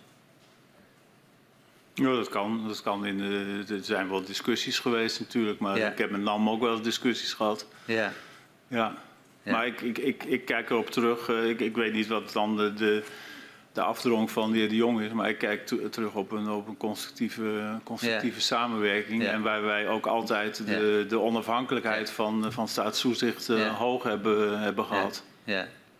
Want u refereerde net ook al even aan uh, een uitspraak die de heer De Jong zou hebben gedaan rond dat ook Groningen ja, mogelijk gevolgen zou kunnen ondervinden van de bevingen. in antwoord op vragen die hij daarover kreeg. Was dat niet ook gewoon aan de toezichthouder om als daar publieke vragen over leven over te zeggen, ja, dat, dat zou kunnen gebeuren? Mm -hmm. Nou ja, het, ligt, ligt, iets anders, want er was een interview met de heer De Jong die dat daar verklaarde. En, en, en volgens mij in, in de tijd dat hij al geen, uh, geen inspecteur-generaal meer was. Hmm. Um, dus ik vond dat niet heel handige uitspraken, nee. want dat leidt tot heel veel onrust. Uh, en, en de ja. vraag is of dat ook, uh, ja. ook werkelijk de situatie was. En ik, maar goed, dat is mijn mening, dat, dat een toezichthouder ook moet opletten dat, dat, dat hij niet bijdraagt aan de, aan de onrust. Ja. Een ander moment dat hij noemde was na een bijeenkomst. Uh, waarin uh, in de regio werd verteld uh, dat ja, het uh, cluster zou worden ja, ingesloten. Niet volledig, maar voor 80 procent. Waarop ja, ook vragen leefden in de zaal over wat gebeurt er dan qua productie op andere punten. Mm -hmm. En hij aangaf, ja, ja, als daar de productie omhoog gaat, wat kennelijk voor de jong trouwens een verrassing was, zo verklaarde hij, maar goed, dan moeten er wel extra risicoanalyses worden gedaan eh, als de productie op andere punten omhoog gaat. En dat na dat publieke deel u, u toch vrij boos naar hem toe bent gestapt. Klopt dat? Um, ja, ik heb daar een iets andere beleving bij. Dat ging, uh, volgens mij speelde ook dat hij uh, met, met uh, zaken kwam over risico's die redelijk onverwachts Um, die daar ook tot onrust leidden en, en waar ik op dat moment ongelukkig mee was. En dat heb ik tegen hem gezegd. Ja, maar kwam en, dat niet voort uit het feit dat de heer De Jong verwachtte dat bij het beperken van de productie in het Lopperse cluster de totale productie ook omlaag zou gaan? En niet uh, dat het zou worden gecompenseerd met productie ergens? Ik weet niet wat de heer De Jong verwachtte daar. Nee. Kijk, het, het, het, was natuurlijk zo dat. Um, en daar zit misschien ook wel een deel van de, van de frustratie van de heer De Jong. Dat. Um, het, uh, de ging uh, terecht over de veiligheid uh, van de productie, de veiligheid van het veld. En het, de, de, de insteek van de minister was natuurlijk breder. Die moest ook kijken naar de leveringszekerheid, et cetera. En daar, mm. dat had ook weer andere consequenties, aanvullend op wat staatstoezicht. Ja. Um, dus ja, dat, dat, dat was waarschijnlijk voor de heer De Jong niet altijd even duidelijk en misschien ook lastig. Mm -hmm. Maar dat betekent niet dat er niet naar hem geluisterd werd. Alleen de belangenafweging van de minister was net even breder ja. dan die van ja. de heer De Jong. Ja. Kijk, we hebben, ik ga het niet allemaal citeren, maar de heer De Jong heeft vrij uitvoerig verteld over hoe hij de contacten met het ministerie ervaarde. Uh, er was eigenlijk vooral veel contact met uh, de geoloog. En die, die, hè, die werkte voor uh, uw cluster mijnbouw. Mm -hmm. Maar zodra ja, op het niveau hoger in de organisatie werd het ingewikkelder. Hij verklaarde ook dat met de secretaris-generaal zelf nooit een inhoudelijke discussie had plaatsgevonden. Die was wel bij een briefing bij de minister. Maar ook dat de toegang tot de minister echt te beperkt was. En u zei net, ja, ik, de, de toegang was goed tot het ja, ministerie. In mijn beleving, ja, want het kwam uh, regelmatig voor dat de, de heer De Jong zich meldde of in, in, in, een mail of dat er behoefte was aan contact. En dat contact is er dan altijd geweest. En ook uh, heb ik dat dan aangekaart bij de minister dat de heer De Jong graag in gesprek met hem wilde. Dus ik, ik, ik heb daar niet. Ik, ik vind het jammer dat, dat het op die manier op hem is overgekomen. Maar ik heb daar zelf niet beperkingen in gezien. Na een eh, jaar van onderzoek wordt in januari 2014 besloten de productie enigszins te beperken. Namelijk tot 42,5 miljard kubieke meter in 2014 en 2015 en 40 miljard kubieke meter in 2016. Daarnaast worden de productieclusters bij Loppersum voor 80% eh, gesloten. Um, was deze productiebeperking volgens u substantieel? Voldoende substantieel? Ja, voor dat moment wel. Ja. Kunt u dat toelichten? Nou ja, dat, dat uh, zoals staatstoezicht ook aangaf, beperkte dat uh, het risico. En leek het de beste maatregel op de korte termijn om, uh, gegeven de onzekerheid die nog steeds resteerde, om op korte termijn maatregelen te treffen. Ja, en in welke mate dan reduceert deze beperkte beperking het risico op aardbevingen? Nou ja, dat, dat is een, een, een technische, technische discussie. Ja, de, de, de, deskundigen schatten in dat dat uh, de beste maatregel was, uh, gegeven de compactie in dat gebied, om, om het risico te, te beperken. Door juist die putten of die clusters waar, waar de meeste bevingen waren, om daar, om daar maatregelen te treffen. Ja, ja. En u zegt het was op korte termijn een goede productiebeperking. Ja, tenminste zo werd het, werd het door de deskundigen aangegeven. En ook daar was natuurlijk onzekerheid, omdat het afweek van de van de filosofie van, uh, of de, de, productiestrategie van daarvoor om, om gelijkmatige druk in het veld uh, te houden. He, door bepaalde clusters te sluiten ga je dat op een andere manier doen. Ja. Dus dat, daar zat ook een bepaald risico aan. Maar dat leek alles afwegende de beste manier om het risico op korte termijn te verminderen. Ja, ja. En als u zegt van nou, het was een, een goede uh, uh, productiebeperking op korte termijn. Kijk, volgens, uh, volgens de afspraken mocht in 2014 en 2015 45,5 miljard kubieke meter worden gewonnen. Dus dat, ja, dat is echt wel een klein, klein verschil tussen 42,5. Mm -hmm. Maar voor u is dat een substantieel groot verschil. Nee, het ging mij niet zozeer om, om, om het sommetje wat erachter lag, maar meer om van wat, zij, wat is nu een, een, voor de hand liggende maatregel in het kader van risico. Ja. Uh, minister Kamp wilde de productie aanvankelijk meteen al beperken tot, uh, tot 40 miljard mm -hmm. kubieke meter, in lijn ook met het advies van de uh, SODM. Ja. Wat is volgens u de reden dat uiteindelijk toch gekozen werd voor 42,5 miljard kubieke meter? Dat waren de baten. Ja, dus de opbrengsten van de gaswinning. Ja. Ja. En welke rol speelde het ministerie van Financiën hierbij? Nou ja, dat werd, uh, werd besproken met het ministerie van Financiën. Dus ja. in het traject uh, van het jaar daarvoor had ik uh, zeg maar maandelijks contact met het ministerie van Financiën om zo ook bij te praten over de onderzoeken en, en de implicaties mm -hmm. daarvan. Mm -hmm. um, en daar konden zij ook hun, hun eigen sommetjes op maken. Ja, dus u heeft dat ook afgestemd met het ministerie van Financiën? Ja. Ja, ja en ik weet dat, uh, dat er contact tussen de ministers over geweest is. Ja. Was het een dringend advies van het ministerie van Financiën om, uh, om het dan... Uh, ja. Het Financiën heeft alle dringende adviezen. Ja. Maar kunt u dat dus toelichten, onderbouwen? Nou ja, dit is misschien ook voor u een vraag om aan minister Kamp te stellen. Maar er is gewoon in het kabinet contact over geweest over, over de het, het, uh, het voorgenomen besluit. En daar is, daar is op besloten om het toch iets op te hogen vanwege budgettaire redenen. En het feit dat de economie en de, en de, de, de staatskas erom vroeg dat die, dat die baten op een bepaald niveau bleven. Ja, dus minister Kamp wilde 40 miljard, minister Dijsselbloem wilde 42,5 en het werd uiteindelijk 42,5. Nou ja, er is een precieze reeks, uh, weet ik niet meer, maar er is in ieder geval iets naar boven bijgesteld op basis van, uh, van de budgettaire overwegingen. Oké. Okay. Toch nog even een vraag daarover, want uh, uh, de facto leidt het nu dan tot een productiebeperking van uh, 3 miljard kub in absolute zin. En een, heel, een 80% beperking op het winnen bij, bij Loppersum.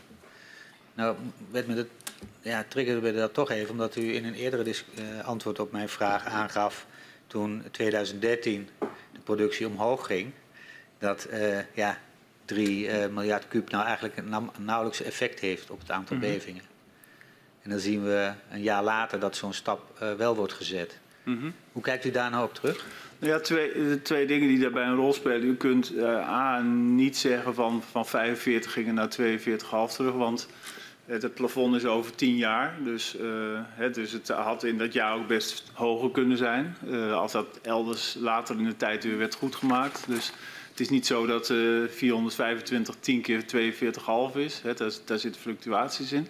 Ja. En het tweede is dat um, uh, op basis van het advies van staatstoezicht er werd aangegeven dat die, die weliswaar beperkte terugdringing van de productie, ja. Dat die wel gevolgen zou hebben voor, voor het risico. En een verbetering en vermindering van het risico. Dus dat, dat was de overweging om dit te doen. Niet, niet om naar de getallen te kijken, maar primair vanuit ons, maar wel om te kijken naar van wat doet het nu voor, voor het risico en voor de aardbeving die we op korte termijn kunnen verwachten. Ja, maar dat eerste punt, kijk, volgens ons, de informatie die wij hebben gekregen, was er nog 91 miljard ruimte rond het plafond voor de jaren 2014 en 2015. Ja. dus, dus, dat het nog veel hoger had kunnen zijn, ja. Dat lijkt me nog niet zo'n sterk okay, argument. Ja. ja. Ja. Kijk, en u zegt net... Maar voor in... 2016 was er dan wel weer ruimte. Ja. U zegt net ook in richting van uh, uh, mevrouw Kat dat uh, het budgettaire belang doorslaggevend was om niet op 40 maar 42,5 miljard kuub te, ga, te, gaan zitten. Ehm, door het plafond op die hoogte te zetten, was er natuurlijk ook ruimte om de reductie die plaatsvond bij het Loppersumse cluster te compenseren met een hogere productie op andere punten in het veld. Mm. Was het dan bewust de keus om dat te doen? Of was dat het gevolg van het feit dat het plafond op een bepaalde hoogte werd vastgesteld? Volgens mij lagen daar, hè, want ook 80% in Loppersen, dat was ook gebaseerd op ja. uh, van wat er technisch mogelijk was en ja. wat technisch uh, optimaal was. Ja. Dus daar heeft dat, dat ophogen vanuit andere clusters ook uh, een rol in gespeeld. Ja, maar goed, daar was naar gekeken. En als je alleen de maatregelen zou nemen, we sluiten uh, voor 80% Loppersum en compenseren dat niet elders, dan zou er 15 miljard kuub minder zijn gewonnen. Mm -hmm. En mijn vraag is, was het een bewust besluit om het te compenseren? Of was het meer het gevolg van het feit dat het plafond uh, nog weer iets hoger werd vastgesteld op 42,5? Ja, dat, daar heb ik op dit moment geen nee. antwoord op. Dat nee. weet ik niet meer. Ik... Nee.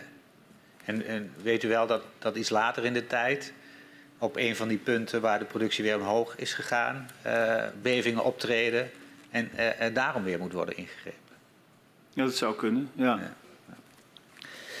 Goed, ik ga even door naar een ander onderwerp en dat is uh, de dialoogtafel. Um, en het perspectief van de Groningen bewoners. In hoeverre had u zelf als directeur contact met bewoners in Groningen?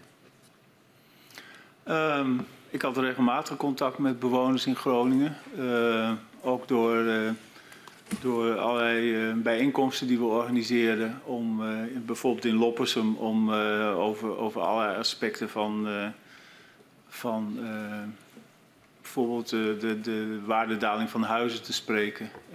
dus ik ben heel regelmatig in Groningen geweest om van alles toe te lichten. vaak in het gemeentehuis van Loppersum. Dus ik heb ook, eh, ook, ook veel, uh, veel bewoners gesproken. Ja, en hoe, hoe verliep die samenwerking? Kunt u dat kwalificeren, de samenwerking tussen het ministerie en bijvoorbeeld de regionale overheden? Ik, die, die, die samenwerking verliep, uh, verliep goed. Uh, je kan ondanks het feit dat, dat misschien je belangen verschillen of je insteek anders is, kan je heel goed samenwerken als je, als je open en, uh, en eerlijk met elkaar communiceert. Mm -hmm. En dat, dat hebben we gedaan. Dus wij hebben ook bij, bij het uh, uh, inzetten van die onderzoeken ook steeds gezegd van alles wat er uit die onderzoeken komt, dat wordt openbaar. Mm -hmm. iedereen kan daar kennis van nemen. En we hebben tussentijds ook de, de bestuurders steeds ge, geïnformeerd over waar het naartoe ging. Mm -hmm. Bijvoorbeeld een thema rond, rond de dijken, wat ik noemde. Uh, we hebben ook met de waterschappen over gesproken, maar ook gecommuniceerd aan de mensen van de provincie en de, en de, en de, de burgemeesters. Uh, minister Kamp is ook regelmatig voor bestuurlijk overleg naar het noorden gegaan. uh, om de bestuurders bij te praten. En ook als er besluiten werden genomen om ze te, vooraf te informeren. Mm -hmm. Dus ik moet zeggen dat, dat daar een hele constructieve, con, constructieve samenwerking was. Tenminste, zo heb ik het beleefd. Ja. En in 2014 wordt uh, de dialoogtafel opge opgericht. Hè. Ja. Dat komt eigenlijk voort uit het bestuursakkoord dat daarvoor mm -hmm. was afgesloten tussen ja, de, de, eigenlijk de overheden. De NAM, ja. zoals we van de heer Limpet begrepen, hebben begrepen, was daar actief bij betrokken. Tekende een los velletje in plaats van het akkoord. Maar goed, de dialoogtafel wordt gestart. wat was in uw ogen de meerwaarde van die dialoogtafel? Nou ja, voor mij was de meerwaarde om, om ook de, de mensen in de regio actief te betrekken bij, ja, bij de follow-up, bij wat er speelde. Uh, hun mening te krijgen over allerlei regelingen die, die voortvloeiden uit dat, bestuur, uit dat bestuursakkoord. Mm -hmm. Dat was ook expliciet zo aangegeven. En, ja. ik, en ook bijvoorbeeld op het punt van de leefbaarheid, de Economic Board, om hun, hun input ook te krijgen daarop. Ja. En, en, en um, ik moet, moet eerlijk zeggen dat het mislukken van die dialoogtafel, dat dat, dat ook wel, uh, dat ik dat zeer betreur. Ja. Um, mevrouw uh, Top, die uh, participeerde in die dialoogtafel en later ook voorzitter werd van het Groninger Gasberaad, die zei, en eigenlijk toen al bleek, dat is dus in het begin van de dialoogtafel, dat NAM en misschien nog wel meer de overheid op dat moment er helemaal geen behoefte aan hadden en dat wij daar zaten voor de legitimatie van het beleid van de minister. Ja, dat herken ik me niet in. Daar herkent u zich niet in? Nee. nee. nee. Nee, nee, dat vind ik toch gek. Want wij kwamen ook nog een uh, aantal woorden van u tegen toen u afscheid nam van de dialoogtafel. Mm -hmm. In januari 2015. En dan citeer ik. Een klankbordgroep waar draagvlak moet worden gevonden voor het besluit van de minister. Mm -hmm. Het zijn uw woorden. Ja. Dat is bijna hetzelfde als mevrouw Top zegt. Ja, maar toch niet helemaal. Oh. Dat moet u dan even uitleggen. Nou, het belangrijkste discussiepunt in die, in die tafel was steeds dat men uh, ook mee wilde praten over het besluit van de minister over de winning. Ja. En daarvan was, was, uh, was duidelijk de instructie van dat beslist de minister over. Dus dat, we kunnen wel in een bepaald stadium daarover spreken met de dialoogtafel, maar de dialoogtafel krijgt daar geen formele rol in. Ja. En dat, dat was steeds het lastig punt. Uh, terwijl over die, al die andere onderwerpen, waardevermeerdering, schadeafhandeling, uh, et cetera. Ja. Dat waren onderwerpen die gewoon daar besproken werden. Dat was helemaal niet een kwestie van klankbord. Daar werd gewoon met elkaar werden stappen gezet. Ja. He, u, u, heeft waarschijnlijk ook gezien hoe ik werd toegesproken bij mijn afscheid. in diezelfde notulen. Ja. He, dus het, het pijnpunt zat op de winning en het besluit daar. En dat kwam ook steeds weer terug. Ja. Oh ja, maar kunnen wij daar niet over meebeslissen? En, en ja. die ruimte was er niet. Nee. En het stond ook niet in het bestuursakkoord. Ja. Maar moet ik u dan zo samenvatten dat het mislukken van de dialoogtafel puur zat op het ene punt van het feit dat de dialoogtafel geen positie kreeg in de discussie over productieverlaging? Nou ja, daar zat, dat, daar zat wel een. Uh, een, een, frustratie, zeg maar. En, Ja. en, en, eh, dat, maar dat uit u ook. Ehm, Ja, En ik, ik tegelijk- citeer anderen, hè? ja, ja. Ik uit ja. het niet zelf. Nee, precies. Maar eh, via u dan.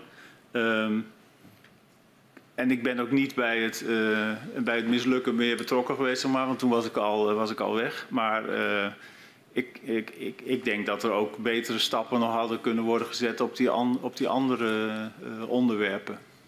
Ja. En dat is blijkbaar niet, toch niet helemaal Ja. gelukt. Ja.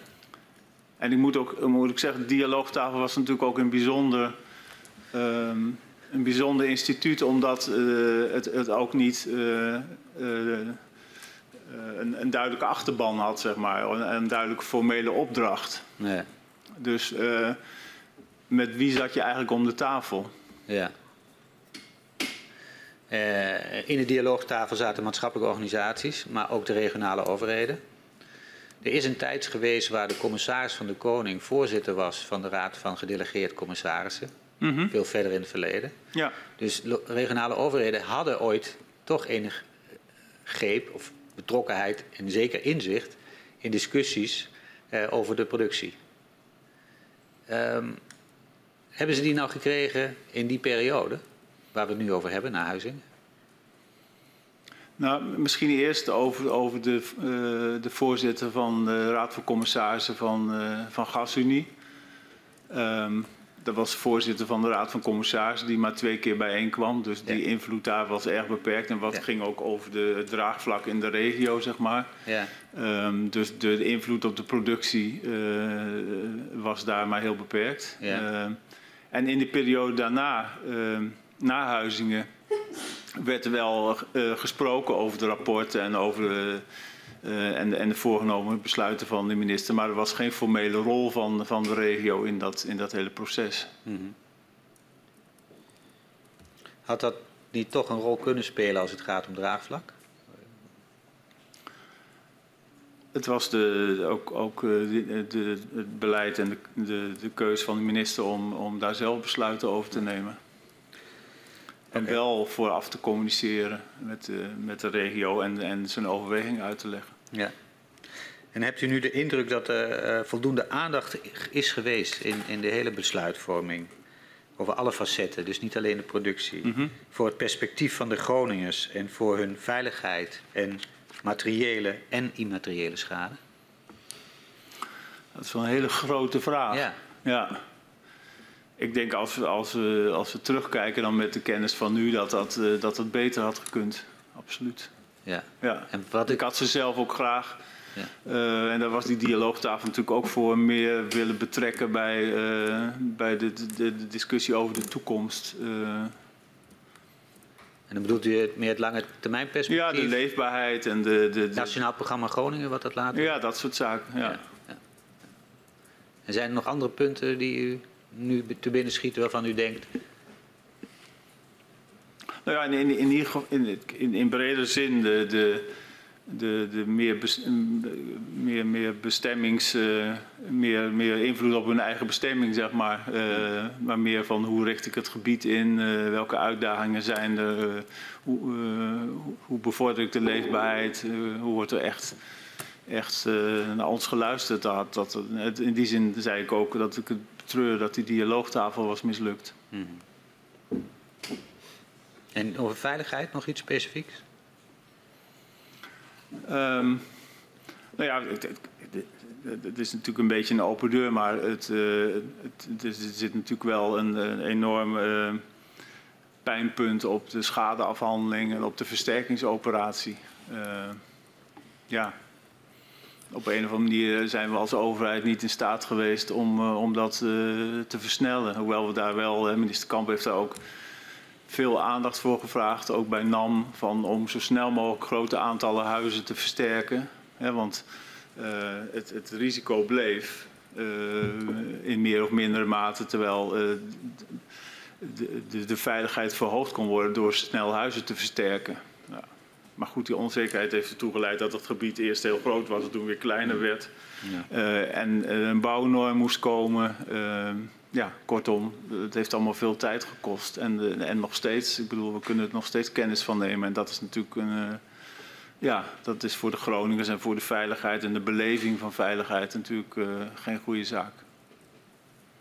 Oh, ik geef het woord aan mevrouw uh, Tiele. Sorry. Ja, er uh, is een aantal dingen dat uh, u gezegd heeft dat bij mij nog een paar vragen op uh, riep. Dus die vragen wil ik u nu stellen.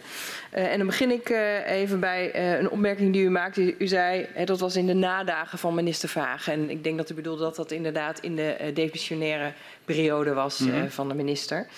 en ik, ik, vroeg me af, hoe besluiten of hoe besloten toen u en uw collega's over welke informatie uh, met de demissionair minister uh, werd gedeeld en uh, welke informatie werd bewaard, zeg maar, voor als er een nieuwe minister kwam?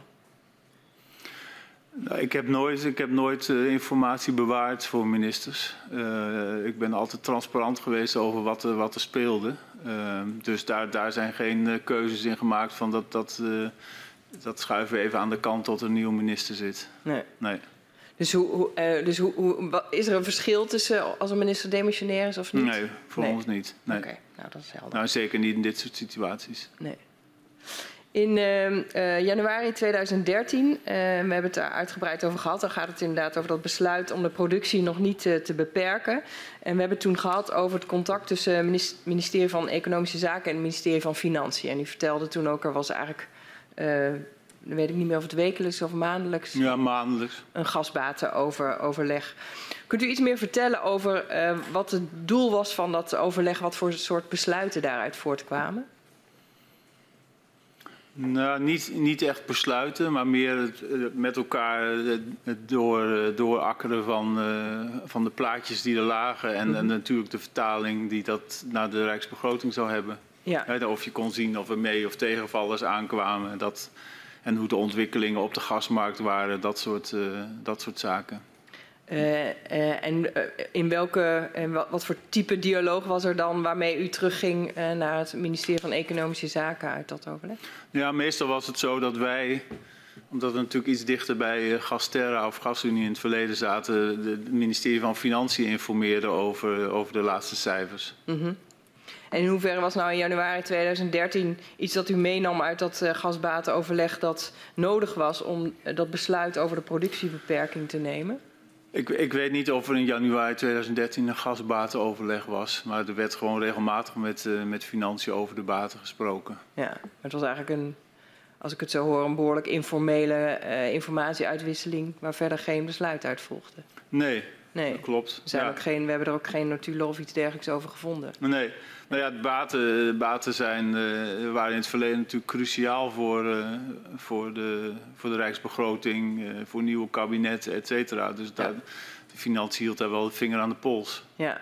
Nou, en zeker als er dus een SODM-advies ligt waarin staat hè, zo snel en zoveel als mogelijk en realistisch is de productie te beperken naar aanleiding van de nieuwe berekeningen over de mm -hmm. aardbevingen. Dus kunt u mij nog iets beter vertellen, zeg maar, wat wat het ministerie van Economische Zaken wel en niet vanuit financiën uh, heeft meegekregen dat van invloed is geweest op dat besluit? Um, dat, dat weet ik niet meer in die fase. Ik weet wel dat in de fase nadat uh, de minister had besloten om uh, die onderzoeken te doen, dat daar heel regelmatig contact was over hoe lopen die onderzoeken. Net zo goed als ik de provincie en de gemeente uh, informeerde. Mm -hmm. Daar is wel steeds contact met het ministerie van Financiën over geweest. Um, omdat er natuurlijk ook een kostenplaatje aan, aan vast zat, ook bij de ja, versterkingsoperatie, et cetera. Maar in die fase in januari 2013 heb, kan ik me niet herinneren hoe we daar uh, met of hoe concreet financiën daar aan boord is geweest. Of dat dat via minister Kamp is gelopen. Of, of uh, nee, dat, dat weet ik idee. niet meer. Nee. Okay. Um, dan uh, hebben we het ook uitgebreid gehad over die hogere productie in 2013. Waarbij er meer dan 50 kuub gas wordt gewonnen. Um, en u vertelde, uh, in mei, juni uh, werd, werd, u daarvan op de hoogte uh, gebracht. En daar was contact over met de minister. Kunt u aangeven hoe daar contact over is geweest met de minister? Was dat schriftelijk? Was dat een telefoontje, een sms'je bij de koffieautomaat? Want... Nou, de minister zagen we niet vaak bij de koffieautomaat, moet ik zeggen. Maar we, dat, dat is mondeling geweest in een, in, een, in een overleg. En kunt u daar iets meer kleuring aan geven? Nee, dat... nee. Nee. Voor mij is dat toen, toen gemeld. En, maar dat is nergens terug te vinden eigenlijk? Nee, nee. nee klopt. En u gaf later aan, in oktober uh, weet ik dat de minister door de olies op de hoogte is gesteld. Ja, ja. Oké. Okay. Is dat niet raar? Uh, nee, dat, nee, er zijn verschillende manieren om overleg met de minister te hebben. En vaak is dat ook, uh, is dat ook mondeling. Ja, toch zei u toen u het uh, onder oog, of toen de informatie tot u kwam. Uh, ik weet niet precies meer welke woorden u daaraan uh, gegeven heeft, maar u had, u had wel het idee, daar moet iets mee. Ja, ja. ja. ja de, de kortste weg is dan om in een overleg dat aan de minister te melden. Ja. Maar dat dat verder, verder geen enkele formele grondslag lijkt te hebben. Wat bedoelt u met formele grondslag? Nou, het is nergens meer terug te vinden, zeg maar. Nee, die informatiedeling. Nee, nee, dat klopt. Ja. Oké. Okay.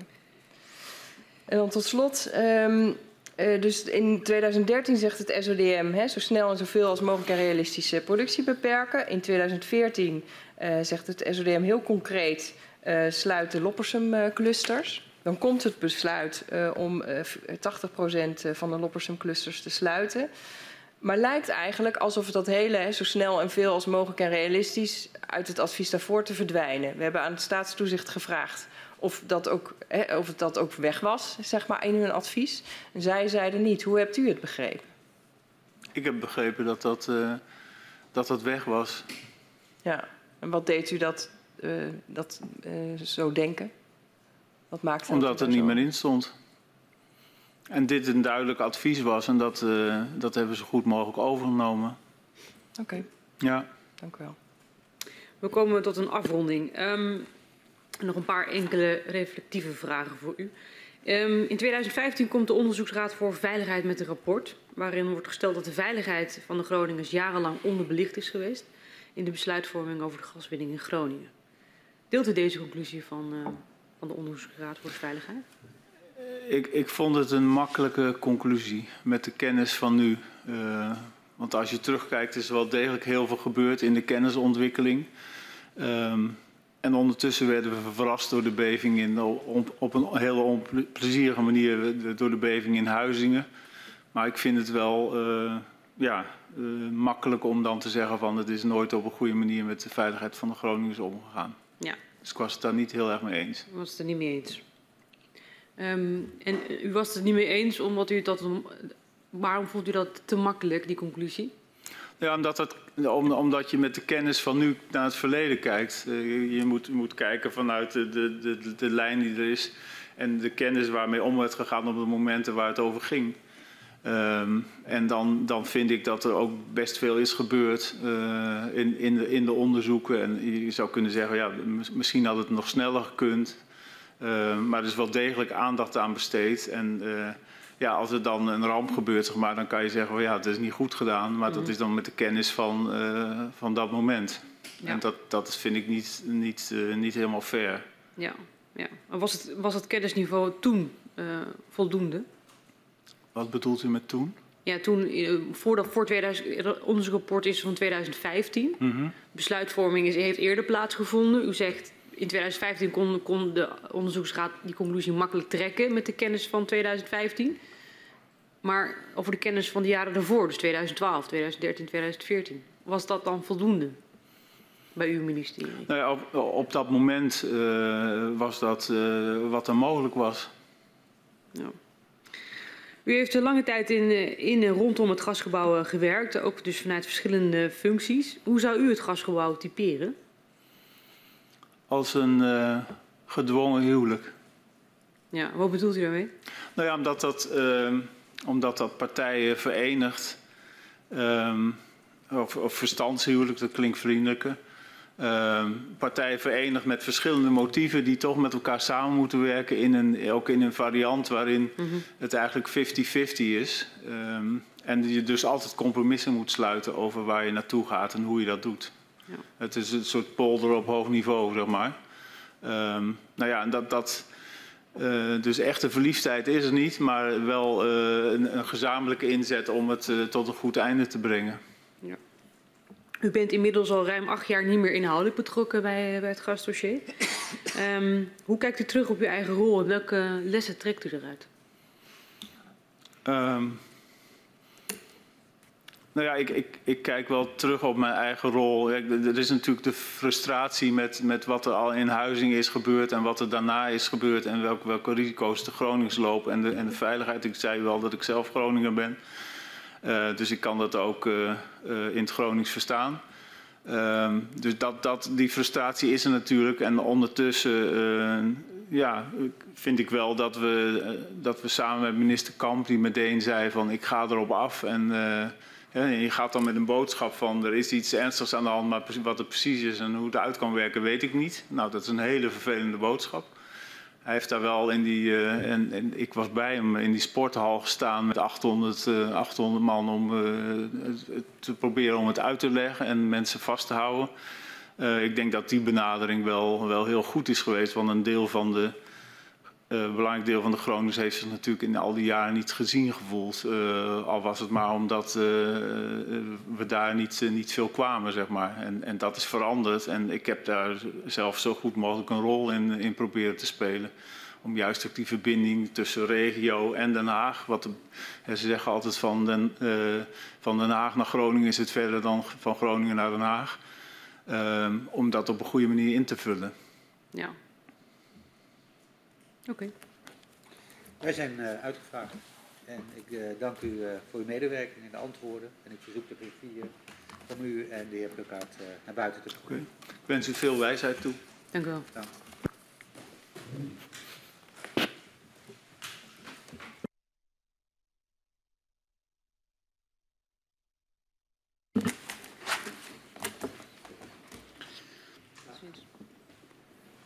Ik ga zo de vergadering sluiten, mm, maar niet nadat ik heb verteld dat we om twee uur uh, het uh, verhoor zullen hebben met uh, voormalig minister Verhagen. Ik sluit de vergadering.